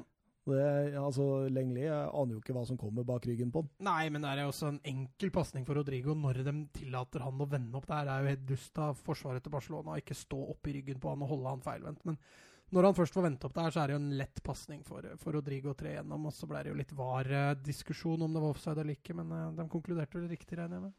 Ja, det så, så riktig ut for, for, meg, i hvert fall. Ja. De gjorde det. Eh, det neste som skjer, er en eh, ny Ansu Fati-sjanse. Nok en gang. Det ligner litt på den han hadde etter 15 minutter der. Mm, hvor han køler ballen ut det lengste der. Han trekker ofte inn og går ja. køler ut. Det, den var litt lenger unna. Der Sorry Sillesen hadde, hadde grei kontroll. Men uh, igjen så tillater de, uh, tillater de skudd utenfor, og, og han Fati virker å også ha et bra skuddbein. Altså. Og hvis Barcelona hadde vært virkelig uheldig så kunne det stå 2-2 etter 37 minutter der. Mm. Åh, den er nære. Den Veldig. er nære. Så uh, det var vel eh, Åssen var det? Det var um, Ferran Torres som blir spilt nydelig gjennom en flikk, som finner Gameiro. Setter han på Terstegen der, så kommer han ut og gjør seg stor. Ja. Godt keeperspill. Ja, Terstegen er bra. Er topp tre i verden, eller? Ja, det vil jeg si. Ja, jeg syns det er litt rart. Han var, gikk ut nå etter landslagspausen og sa det var frustrerende å ikke få spille på landslaget. og Det skjønner jeg. Jeg synes, uh, Han holder ikke noe tilbake igjen for Noyer, i hvert fall. Uh, Men så du den Noyer-redninga mot Leipzig nå, eller? Når han var oppe ja, ja, ja, ja, altså, det skal ikke Altså men, men, men, Tyskland har jo to verdensklasse keepere. ja, men den, den, er nydelig, altså. Altså, du, Hadde du satt opp handa di sånn som Noyer gjorde der, du hadde brekt den tvers av. Altså, det er, det er så sterkt at det er helt vilt, altså. Eh, så går man til pause, da. 2-1. Ja. Jeg tar meg en snus, jeg, Mats. Fortell litt om pausa. Skal jeg fortelle om pausa? Nei, det kom jo på noen vannspredere, da. Så løp det jo Da, Nei, men, da går det i detalj. da, Nei, jeg tror vel Celades hadde, hadde, Gikk vel litt roligere puls i pausen. For uh, etter ti minutter så tror jeg nok han frykta det verste. Valencia greide å, å snu kampbildet litt, slik at Barcelona ikke dominerte like mye. Jeg tror mye av pausepraten gikk med på, på akkurat det å understreke det i pausen. At uh, hei, vi er egentlig ikke så langt unna nå. Vi må, vi må, fortsette litt med dette. Og så må vi bli enda tydeligere og klarere på overgangene vi tar. For vi må, må få satt opp Gameiro oftere i bakrommet. Altså. Ja, absolutt. Det er jo ikke noe speed monsters eh, Barcelona har på stoppeplass. Nei, altså Gameiro er ikke noe sånn super speed monster, han heller. Han er en hurtig spiss som trives best i bakrom, men, men Barcelona sto så veldig høyt i perioder at eh, jeg syns det var rart de ikke prøver å sette opp Gameiro oftere i bakrom. Altså. Ja, og etter 51 minutter så sto Piquet veldig høyt. Ja, stemmer det. Han, han begge sto jo høyt hele tida. Piquet altså tar returen der. 3-1 til Barcelona. Åh. Han målskårer ekte sånn der uh, måltjuv. Ja, altså han er jo en stopper med, med en, sjel, med en spissjel, uh, ble det sagt. Og det, det, er helt riktig. Han er ofte gira på å komme på skåringslista, men uh, ja, der er det vel bare å og, Arthur som setter opp der, finner uh, Grismann, skyter. Sildesen retur. En Ja, det var det jeg skulle fram til. At det der er jo Sillesen. Den må bare han ta på sin kappe, rett og slett. I stolpen og rulle bortover streken der, og der eh, er Piqué. Det er vel strengt tatt mulig å ta. Ja, ikke bare det, men eh, hvis han ser han sliter der, så må han jo for guds skyld slå han vekk, da. Han kan jo ikke prøve å holde et skudd hvor han er i tvil. Men, men det går litt igjen, da. Det der usikre forsvarsspillet syns jeg allerede når, eh, når ballen går inn til Grismann der, da. Ja. Som får, eh, får vente opp og kommer til avslutning. opp Egentlig inne blant fire Valencia-spillere, vel. Mm. Sant? Og, Mm. og, og det blir veldig passivt. Ingen kommer oppi, og ny avslutning. Ja. Og så toppe Sillesen. da, Han er jo egentlig en solid keeper der, men eh, der, eh, der, den må han bare ta, rett og slett. Det var ingen i Valencia som var solide. Nei, sette opp tre stjerner her. Var ikke noe problem å styre unna Valencia-spillere der. i hvert fall. 54 minutter, Semedo sender en ball i stolpen. Ja. Ja. Syns det var en frisk kamp av Semedo. Ja, altså Når han får lov å spille mye offensivt, så er det klart, da, Mm. da kan han blomstre. Han er jo, han er jo offensiv av natur. Og så kommer Luis Suárez inn på banen. Ja. Han blir bytta inn Ansufati, faktisk. Som går Stemmer ut. det. Dytter Grismann ut venstre. Ja, ikke lurt. Nei, han spilte jo der eh, mot eh, Bilbao òg. Det var ikke veldig imponerende. Han, eh, du sa jo til meg at med en gang du dytta han ut på kant, så blir han anonym. Ja.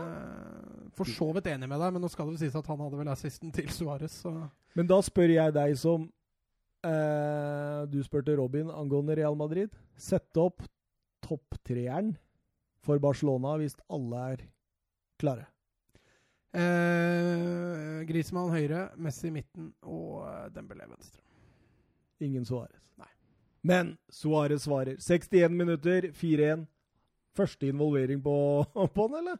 Ja, det gikk jo ikke så lang tid der. Eh, var som jeg sa, Grismann trekker seg inn, eh, slipper han til Suárez. Eh, nok en gang eh, fantastisk passivt i Valencia-forsvaret. Å la Suárez vende opp der er Gabriel står jo to meter unna. Ja, det er jo selvmord eh, de luxe. Og han har to gode alternativer også. Et gjennomløp i midten der av er Frenke de Jong, tror jeg. Og så Ja. har han ut høyre der til Perez, som også kommer helt aleine. Han velger å skyte og treffer jo akkurat der han må. Hvor han går. Men tenk, idet Arthur sender den ballen til eh, Suárez, så det er Grismann som strekker ah, seg. Okay, okay, greit. Det er vel uh, på siste der Grismann Det har er det siste Grismann har, ja. Ja, det er Arthur. Det er Arthur som har, uh, Ja. har denne. Når han sender den ballen, så er Paulista to meter unna Suárez.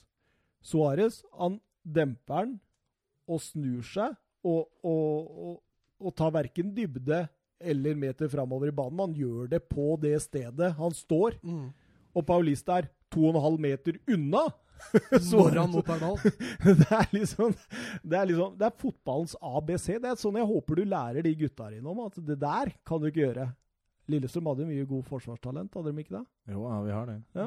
Selv om det ikke alltid ser sånn ut, men uh, Et stikk til gutta sine. Nei da. ingen av de som spiller nå. Men, men uh, altså vi Kommer de til å le på kontoret i morgen? De gjør det. Hallo, gutter. Nei, men nå er vi veldig negative mot Valencia, men, men eh, det er Ja, på det er sin plass rett, å. Men det er jo på sin plass å hylle angrepsspillet til Barcelona også, da. For som du er inne på, Mats, eh, på 4-1-skåringa der, bevegelsene rundt eh, Suárez også, når han får, får ball. Ja.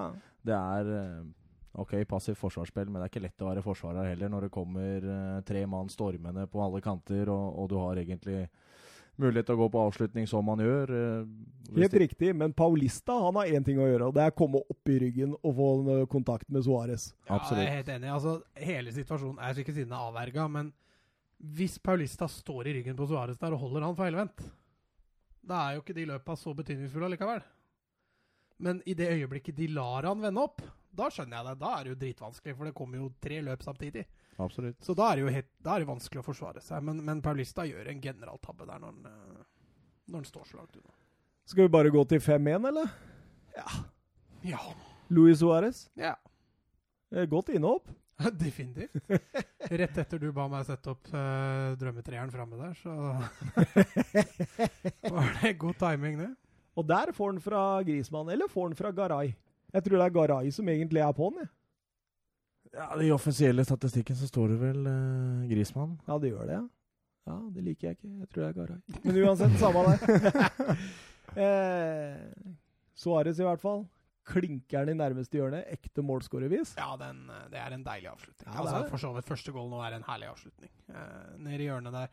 Nede i keeperhjørnet, og det er jo ikke der eh, keepere ofte forventer kula når du vender opp på den måten. Så både smart og, og typisk goalgetter. Der er 5-1, altså. I toppkamp. Ja, nei, men vi var jo inne, vært innom dette nå lenge. Altså, Valencia var jo Nei. eh, Får seg et trøstemål, da. Maxi Gomez første. Mm. Mm. Er han i gang? Han har jo starta på benken i, i, eh, i eh, tre av de fire kampene som har vært spilt, så vi får nå se, da. Jeg tror de foretrekker Gameiro og Rodrigo.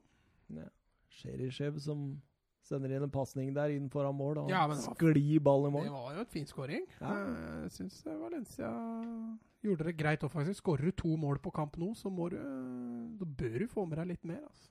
Med tanke på tida, skal vi ta fantasy-poengene våre? Ja, det kan Mm. vi vel.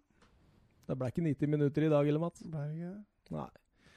Eh, tre poeng setter jeg på Frenkie de Jong. Mm. Syns han eh, styrte og stelte.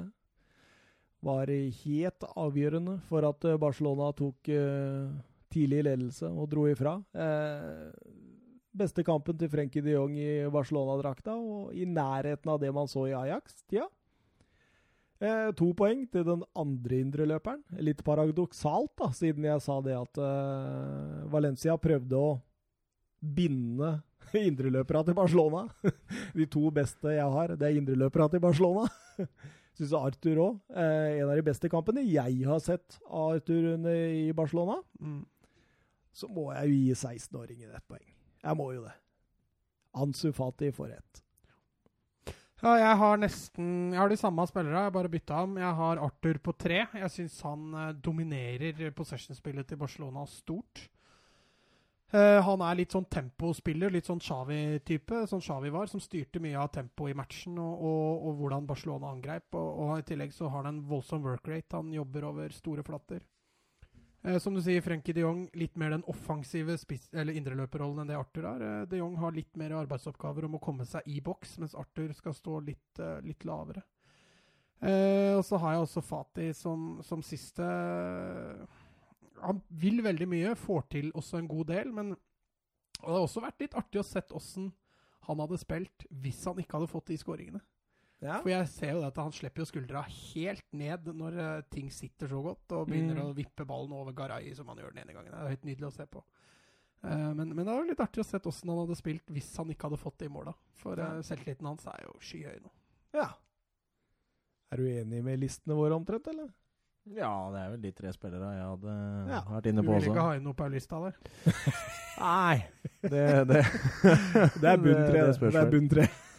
Han topper bunnen. Serie A. Jeg er glad i Serie A òg, jeg. Jeg er egentlig glad i all fotball. jeg. Jeg er glad i LSK Ja, er- gutter 16 òg, jeg, Robin. LSK gutter 16 er flotte. Ja.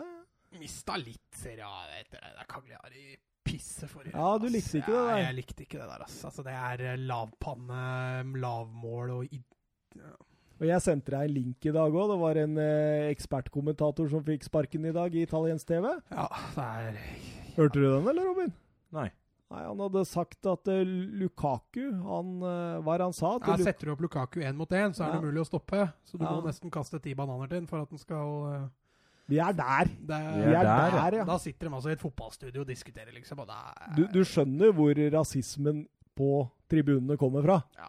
Når Ja. det er en sånn holdning at man til og med kan si det på TV uten at man føler seg Ja, men altså, Én ting er en holdning. altså jeg tenker jo du, du må jo være litt dum. Altså, du, Litt synd at vi skal sitte her og snakke om rasisme i Serie A. Liksom. Altså. Nei. Strålende liga sånn egentlig. Mye god fotball. Eh, Fiorentina Juventus. eh, hadde høye forventninger til Juventus ja, etter målkalaset mot Napoli sist, men eh, den gang ei. Fiorentina var egentlig best og burde ha vunnet kampen. Ja, jeg er egentlig enig med deg i det. Fredrico Chiesa og Riberi var Nei, ikke minst Riberi. Ribéry, ja. Hæ? Han var voldsom og det, Spillesuget, altså. Ja, ja. Rett og slett 20 år gammel ut igjen. Absolutt. Jeg syns Juventus-forsvaret sleit med å, å Det var deilig å se når mister ballen til Ronaldo der, og så tar det returløpet rett etterpå og bare gruser det gresset. Og Ronaldo trekker på skuldra, og så bare han gjør. Ja, absolutt. helt nydelig. Usynlig Ronaldo, eller? Ja, i dag var han Eller i dag. På, på lørdag var han ganske usynlig. Så Fiorentinas president eh, Rocco Comiso sa, sa at eh, så dere Riberi? Han var bedre enn Ronaldo. Han var tydeligvis fornøyd. Eh, men en Serie A-kamp med kun tre italienere på banen fra start. Ja. Bonucci, Castrovilli og Chiesa var de eneste. Og, og da kan du tenke, hva, hva gjorde Roberto Manzini der? Jeg flirer litt, da. Ja, du kommer og får se på de tre, da? eller? Ja. Ja, men Eh, Chiesa var vel eh, var, er jo en heftig Han har vel allerede debutert, han nå på Italia. Så han, eh, han er godt inne i diskusjonen der, tenker Han er bra. Han er bra. Eh, 0-0. Kjedelig. Eh, Fiorentina ja, starta dårlig, men jeg tror de kommer seg oppover på tabellen, altså. Ja, hvis dette her er, eh, er det vi skal få se framover av Fiorentina De har starta med to tap og en uavgjort, som gir eh, nest sisteplass. Men eh, det var eh, gode takter mot Juventus. Og så spiller Juventus så underholdende i de første serierundene, og så kommer Sarri tilbake fra sjukdommen, og så er det så bånn i bøtta. Jo, men du så jo litt tendenser egentlig mot Parma òg, syns jeg. Det var litt sånn at det var eh, De, de vant fortjent både der og mot Napoli, men eh, det er litt bekymringsverdig det de gjør eh, innimellom i matchene. Apropos Napoli, vant eh, en grei 2-0-seier over Sampdoria. To mål av Dris Mertens. Ja, hylla han og vi. Absolutt. Mertens han ble hylla av Napoli-fansen nå. Han eh, er oppe i 112 mål for Napoli, og det er kun tre mål bak Diego Armando Maradonas sin uh, skåringsratio for Napoli. Eh, med det så er han eh, nummer tre. Maradona var nummer to i Napolis historie. Hvem er nummer én, Mats? Uh, er, det, er, er det nyere tid? Ja. Ja, Higuain, da. Nei. Eh, Cavani. Nei. Marek. Å oh, ja, Hamsik. Yes. Jeg ble litt overraska sjøl òg, for han er jo egentlig en offensiv midtbanetype. Eh, Jorente med debut, assist. Ja, Aha. Ja, ja, ja, ja. han eh, starta bra, han. Absolutt. Og banens beste er, var eh, Baby Modric. Han var god. 19 år gamle Elmas der, som kom fra Fenerbahçe i sommer. Ja, han blei jo litt hypa når de kjøpte den òg. Eh, mente at dette var et strålende kjøp, og jeg syns han har starta bra. Syns det var bra kallenavn, jeg. Baby Modric. Baby Modric. Inter Odinese, og der har vi vel egentlig en sensisjon. Ja, sensi, altså. Sensisjon. Makan, hva er det Inter har fått til der, da? Jeg Altså, fatter ikke sjøl, jeg. Altså, Jeg hadde jo hørt om Sensi før sesongen, men at det skulle være så mye potensial i han, det hadde jeg ikke trodd. Der har Conte gjort noe fantastisk! Altså. Ja. Tenk deg Barella på ene indreløperen og Sensi på andre indreløperen. Ja. Og så har de jo han i Brosevic i midten som bare styrer og steller noe så voldsomt. Altså det, Nei, vet du hva, jeg begynner å jeg tror, Begynner å bli enig med jeg meg, du? Jeg tror jaggu du kan få rett. Ass. ja, ja, der ser du. Jeg har utropt eh, Napoli som uh, Nei, Inter som uh, Serie A-vinner. Du har den på topp, ja? Juventus på andre. Kan jeg tror på Conte. Prosjekt Conte som Altså, se, altså, se på den stoppertreeren bak der nå. Med en Godin som ser ut som han er ny. Å, assist! Ja. Så du assisten Han så ut som Beckham i glansdagene når han køla den inne. Og De Frey og Skrinjar, de sammen, strålende. Og altså, eneste jeg er skuffa over i Inter, eh, det er Barella. Ja, han har vært under. Vi snakka jo om det òg, at eh, det var rart han ikke har fått spille mer, men eh, Og når til og med Alexans Alexis Sanchez kommer inn og ser frisk ut, da er det et eller annet Conti gjør bra, altså. Ja.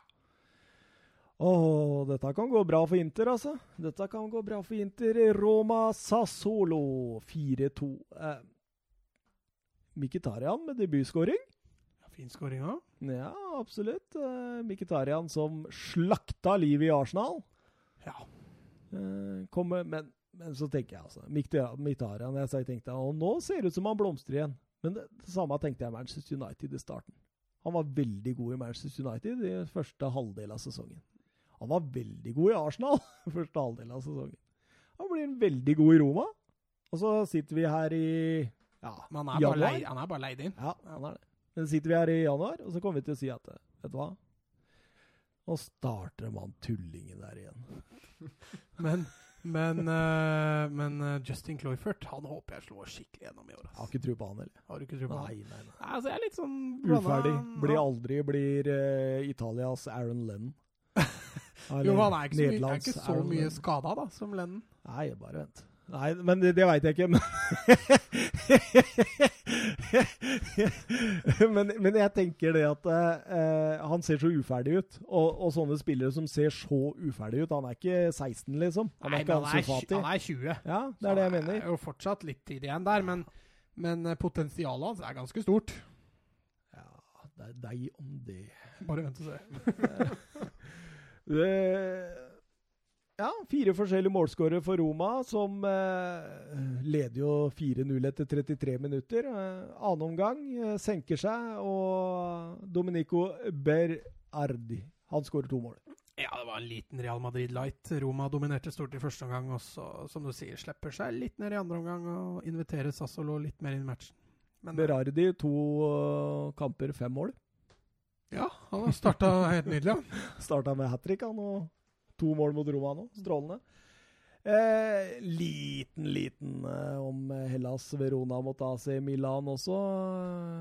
Pjontek, straffespark etter 68 minutter. Eh, billig, eller? Straffesparket? Ja, jeg syns det. Eh, Men det var ikke noe intervenience fra VAR der, så da Nei. mente de vel at det var greit, da. Det er vel akkurat den type Premier League har sagt at de ikke kommer til å dømme hens for.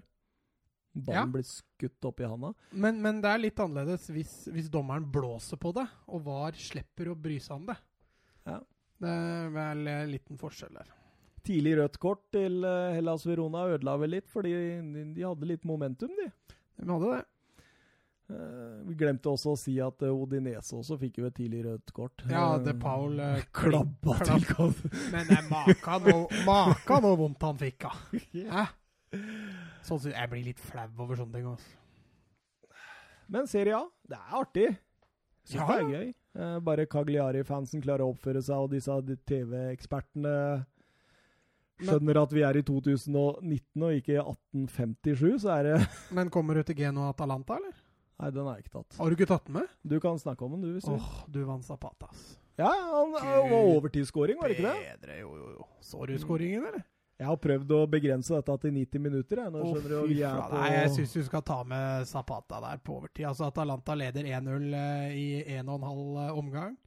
Genoa svarer ett minutt på overtid, og så får Zapata ballen på 18 meter. Eh, fire minutter på overtid. mm. Og via fingertuppene på keeper og tverrlegger inn.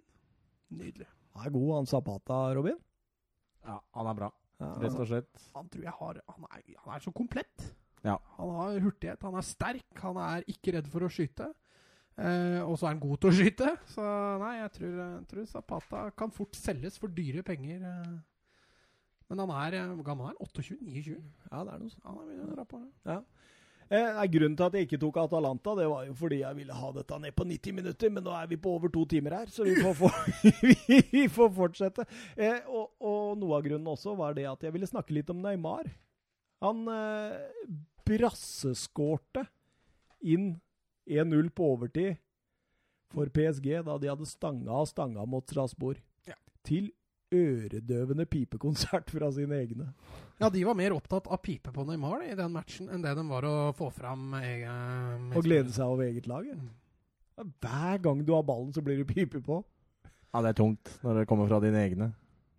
Men Ja, samtidig som jeg sa til deg, jeg tror eh, han har bedt litt om det òg. Nå har han vært et uromoment og en, rett og slett en tulling i hele sommer. Ja, Ekte tulling. Eh, ja, altså kan du tenke deg Hvis Marason hadde begynt sånn, eh, Robin, da hadde Kanarifansen også vrengt døra og latt han få høre. Altså. Nei, jeg vil, jeg vil til Malmö, liksom. Fader. Ja, ja det Uten sammenligning Fin, for fin sammenligning. Jeg likte det. Jeg likte det. Eller når Robin stjeler spillere fra deg. Ja, Ja, ja, ja. Vi er der. Vi er. ja men jeg syns jeg hørte noe her. Åssen går det med han, og åssen går det med han før sending? Så dere må jo ha hatt eh, noen av de samme spillere. ja, ja nei, jeg har hatt et par som er hos Robin nå. Storebror Lillestrøm kommer. Vet du. Nei, det er ikke kjangs. Det er ikke kjangs. Nei, jeg drar ikke opp diskusjonen her nå. Jeg føler det at vi Nei. Eh, Edvardo Camavinga, månedens spiller i ligaen. Det er morsomt! Ja, altså, fantastisk fotball. 16 år. Mm. og måten spiller. Det er helt verden i dag. Og så tenkte jeg å ta med også litt fra Eres-divisjonen. Daniel Doniel Malen skårte fem mål i én og samme kamp. Tidligere Arsenal? Ja, tidligere Arsenal. Akademi Arsenal. Eh, 20 år gammel. Har fått et par A-landskamper for Nederland også. Mm. Skåra vel i debuten sin òg, gjorde han ikke? ja. ja. Kanskje det neste store fra Nederland. Malen. Eh, hadde ikke hørt noe voldsomt mye om men Jeg visste at han hadde, var liksom i, i akademiet til Arsenal. Men eh, Nederland nå, da. De begynner å hamstre opp et eh, Ja. godt eh, landslag. Ja, altså, men allikevel liksom det offensive. Det er ikke noe sånn voldsomt klang. Det er fortsatt Babel, liksom. Ja, og dem Depay. Ja. Altså, for all del, Depay Ja, er fantastisk på sitt beste, altså, men eh, ja, 4-2 over Tyskland, det er sterkt, altså. Ja, PSV ligger A-poeng med Ajax, som vant 4-1 over Herenfen. Ja, jeg så gjennom resultatene i æresdivisjonen sjøl. Det var ikke en eneste kamp som hadde færre enn tre mål. Det er underholdende. Eneste laget som holdt nullen, var PSV. Robin, har, kan du ta ukas din episodens talent, eller? Det kan jeg. Ja, du kan det? Nå satt jeg her litt i har, har du et talent du vil snakke om, eller? Dette han gjør jo på sparket, da. Ja, når jeg tenker uh, nå sitter det mange Sean- sånne G16-spillere på Lillestrøm og bare Vær ja, så det, er, det er mange, mange der jeg kunne ha nevnt, men eh, Nei, jeg overlater den til deg. Ja, du gjør det? Ja, det er jo greit, det. Jeg har Umaro Embalo. Har du hørt om den? Nei, ikke før du sa det nå. Har du hørt om den? Det er ikke så rart. Så Han har, ikke spilt, den, han har fortsatt ikke spilt eh, A-kamper for klubben sin, som er Benfica. Eh, portugisisk eh, nasjonalitet. En eh, høyrekant skråstrek eh, angriper. Eh, født 6. mai 2001, altså 18 år, i Bissau, som er hovedstaden i Guinea-Bissau, tidligere portugisisk koloni. Hans store idol har alltid vært og er Angel Di Maria. Han er såpass fanboy av Di Maria at eh, vennene hans kaller han bare for Di Maria. Embalo eh, flytta fra Guinea til Portugal som 14-åring, og ble tidlig snappa opp av AD Oeiras, som er en abatørklubb i Lisboa. Eh, samme klubb som forresten han Miguel Veloso tråkka sine barndomsår. Eh, etter ett år i AD Blei ble han hentet i Benfica og til Benficas akademi, hvor han tar stadige steg. Eh, og vi veit jo også spillere som kommer fra Benficas akademi. Der er det voldsomt mye som har kommet fra. Det er trygt å velge Benfica-talenter. Er det ikke det? Jo, Der er det mye spennende. Åh, Kommet mye spennende, og kommer. ja, den produserer jo som bare det. Eh, nå er han 16 år, og Nei, når han var 16 år, mener jeg, så spilte han eh, fast på U19-laget til Benfica. Skårte fem mål på tolv kamper for dem. Eh, gjorde såpass inntrykk at han ble kalt opp på Portugals U16- og U17-landslaget, hvor han annet har skåret 15 mål på 18 kamper for Portugals U17. Ryktene sier at Manchester United har lagt inn et eh, bud på eh, fem euro. Ja, fem millioner. Vi dropper millioner i disse inflasjonstider. Eh, under Mourinho-tiden, men at det budet ble blankt avvist. Eh, senere har han blitt linket til RB Leipzig eh, og Real Madrid. Eh, Nylig skal Benfica ha avslått et bud fra RB Leipzig, eller eh, Gressplensport Leipzig, som vi liker å kalle dem her. du har hørt det, eller? De fikk jo ikke lov å kalle seg Red Bull Leipzig, vet. Stemmer det? Så da var jeg RB, de måtte jo ta initialene til Red Bull. Så da ble det gra... Rasenball. Ra, rasenball eh, som er gressplensport til Leipzig. Artig. Eh, de, de bydde 16 Nei, eh, 11,6 euro for den. Men eh, Benfica sa nei der også. En hurtig, eksplosiv, tofota kantspiller, eh, skråstrek angrepsspiller. Eh, liker seg best på høyrekanten, har han sagt sjøl, eh, med god balanse og fin eh, tyngdeoppføring. En eh, meget spennende spiller. Kan vi høre mye om. Jeg har allerede skrevet den opp på lista vår. Mm. Så blir det spennende å se åssen nytt navn som skal på lista vår.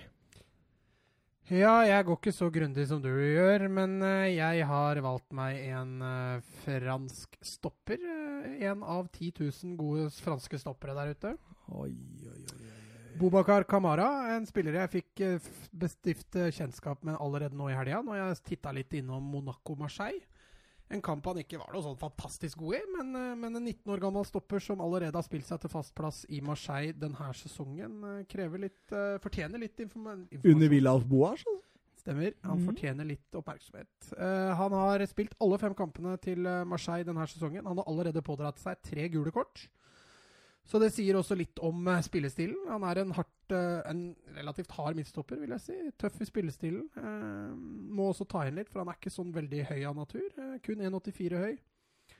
Kom til Marseille i 2015 og har fått utviklet seg gjennom Marseille sitt både U17 og U19-lag, før han da forrige sesong debuterte for Marseille. Eh, fikk også denne forrige uke debuten sin for eh, Frankrikes U21-landslag eh, med sin første landskamp. Og, og når du spiller deg til plass på U21-landslaget til Frankrike som stopper i disse perioder, så har du et talent. altså. Mm. Eh, har også figurert også defensivt på midten, men, men spiller helt klart sine største og beste kamper på, på stoppeplass. Og er ifølge Transfermark verdsatt til 18 Oi, millioner. Oi. Hadde du hørt om den, eller? Jeg, jeg sa jeg hadde hørt om navnet, ja. Mm. Men eh, jeg trodde han var spiss, og da er jeg bomma. Nei, han er en av de mange franske gode stoppera som, eh, som kommer opp nå. Men Kan det også- var vel en kan- spiss som het Babokar til etternavn her? Kanskje jeg blanda litt der? Det kan godt hende. Kan jo nevne at han, han eh, har også senegalesisk pass. Så Ja. han, er, eh, Kan velge litt hvor han vil han spille. kan fram. eh, velge, for, foreløpig velge hvor det er samme som Tammy Abraham. Vet du. Han kan faktisk fortsatt velge Nigeria. Ja, stemmer. Mm. Det kan være lurt, det. For så mange landskamper for England får han vel ikke, så lenge Kane er Ja, Kane. Robin, prøv det. Åh, sier jeg. Åh. Hører du? Kan det? Kan du si det, eller? om Kane. Nei, kan du si åh? Sterkt forsøk. Han er ikke like sensuell han som jeg er. Jeg er imponert over dine der. Ja, du, du, du har sittet og flira litt. Jeg har det. Prøv den, da. Robin, prøv. type. Type. Ja, type. Da var vi ferdige, da. Da var vi i mål. Ja. På 90 minutter, eller? Nei, bare 45 minutter overtid denne gangen. Og nå har vi liksom prøvd å holde Nå er vi pressa. Nå er jeg pressa. Åh. Men uh, ja. Det var gøy, da. Er det gøy, eller, Robin? Ja, veldig. Vi kommer mer kommer seinere. Ja, Ja. gjør gjerne det. ja. Alle gjestene sier det. Jeg veit ikke om de mener det. Nei, Vi har ikke hatt en eneste gjest to ganger ennå, så spørs vel om de mener det. Nei, vi får se, da. Vi får se. Vi får spørre dem igjen. Ja, vi får gjøre det. det var gøy. Nå veit du jo hvor Mats bor, så da kan du stå utafor døra og si 'Mats, jeg vil spille podkast!' Eller så kan dere starte deres egen sånn der uh, G16-podkast, vet du. Det kan dere gjøre. Ja, det. Det er oppe til vurdering. Ja, ja. Men eh, jo, neste uke ja. Liverpool-Chelsea. Det blir hovedkamp. Og Det helt sikre Inter Milan. Ja, men var det ikke en annen der òg? Uh, ja, altså det var, eh, var fra Spania. Sevilla Real Madrid. Vi har ikke hatt Real Madrid der. Skal vi gruble litt på den utover? utover? kan gruble litt. Vi fastsetter Og der er, jo noen Champions League-matcher. da. Det er jo Ja, nesten men- synd å ikke ha noe på det. Altså. ja, vi men kan jo Vi kan det. ikke sitte i studio hele uka. Nei, det ja, vi kan jo ikke det. storkampen Astana United da, i Europa. Jeg gleder meg til at jeg kan gjøre narr av United. på Nei, bare tuller. Alle United-fans der ute, dere er veldig, veldig snille og gode. Er det ikke det? Nei, vet du hva? Klokka er ett. Eh, Robin skal hjem i seng. Det, det ja, for det skal ikke jeg, liksom? Nei, du skal ikke Nei. hjem i seng. Du er hjemme i senga. Nei, det er Nei, nå gir vi oss. Ja. Sier takk for oss. Takk for oss. Takk for at du lytta. Takk for at du kom, eh, Robin. Takk for at jeg fikk komme. Det var veldig gøy. Ha Skal du prøve? Ha det.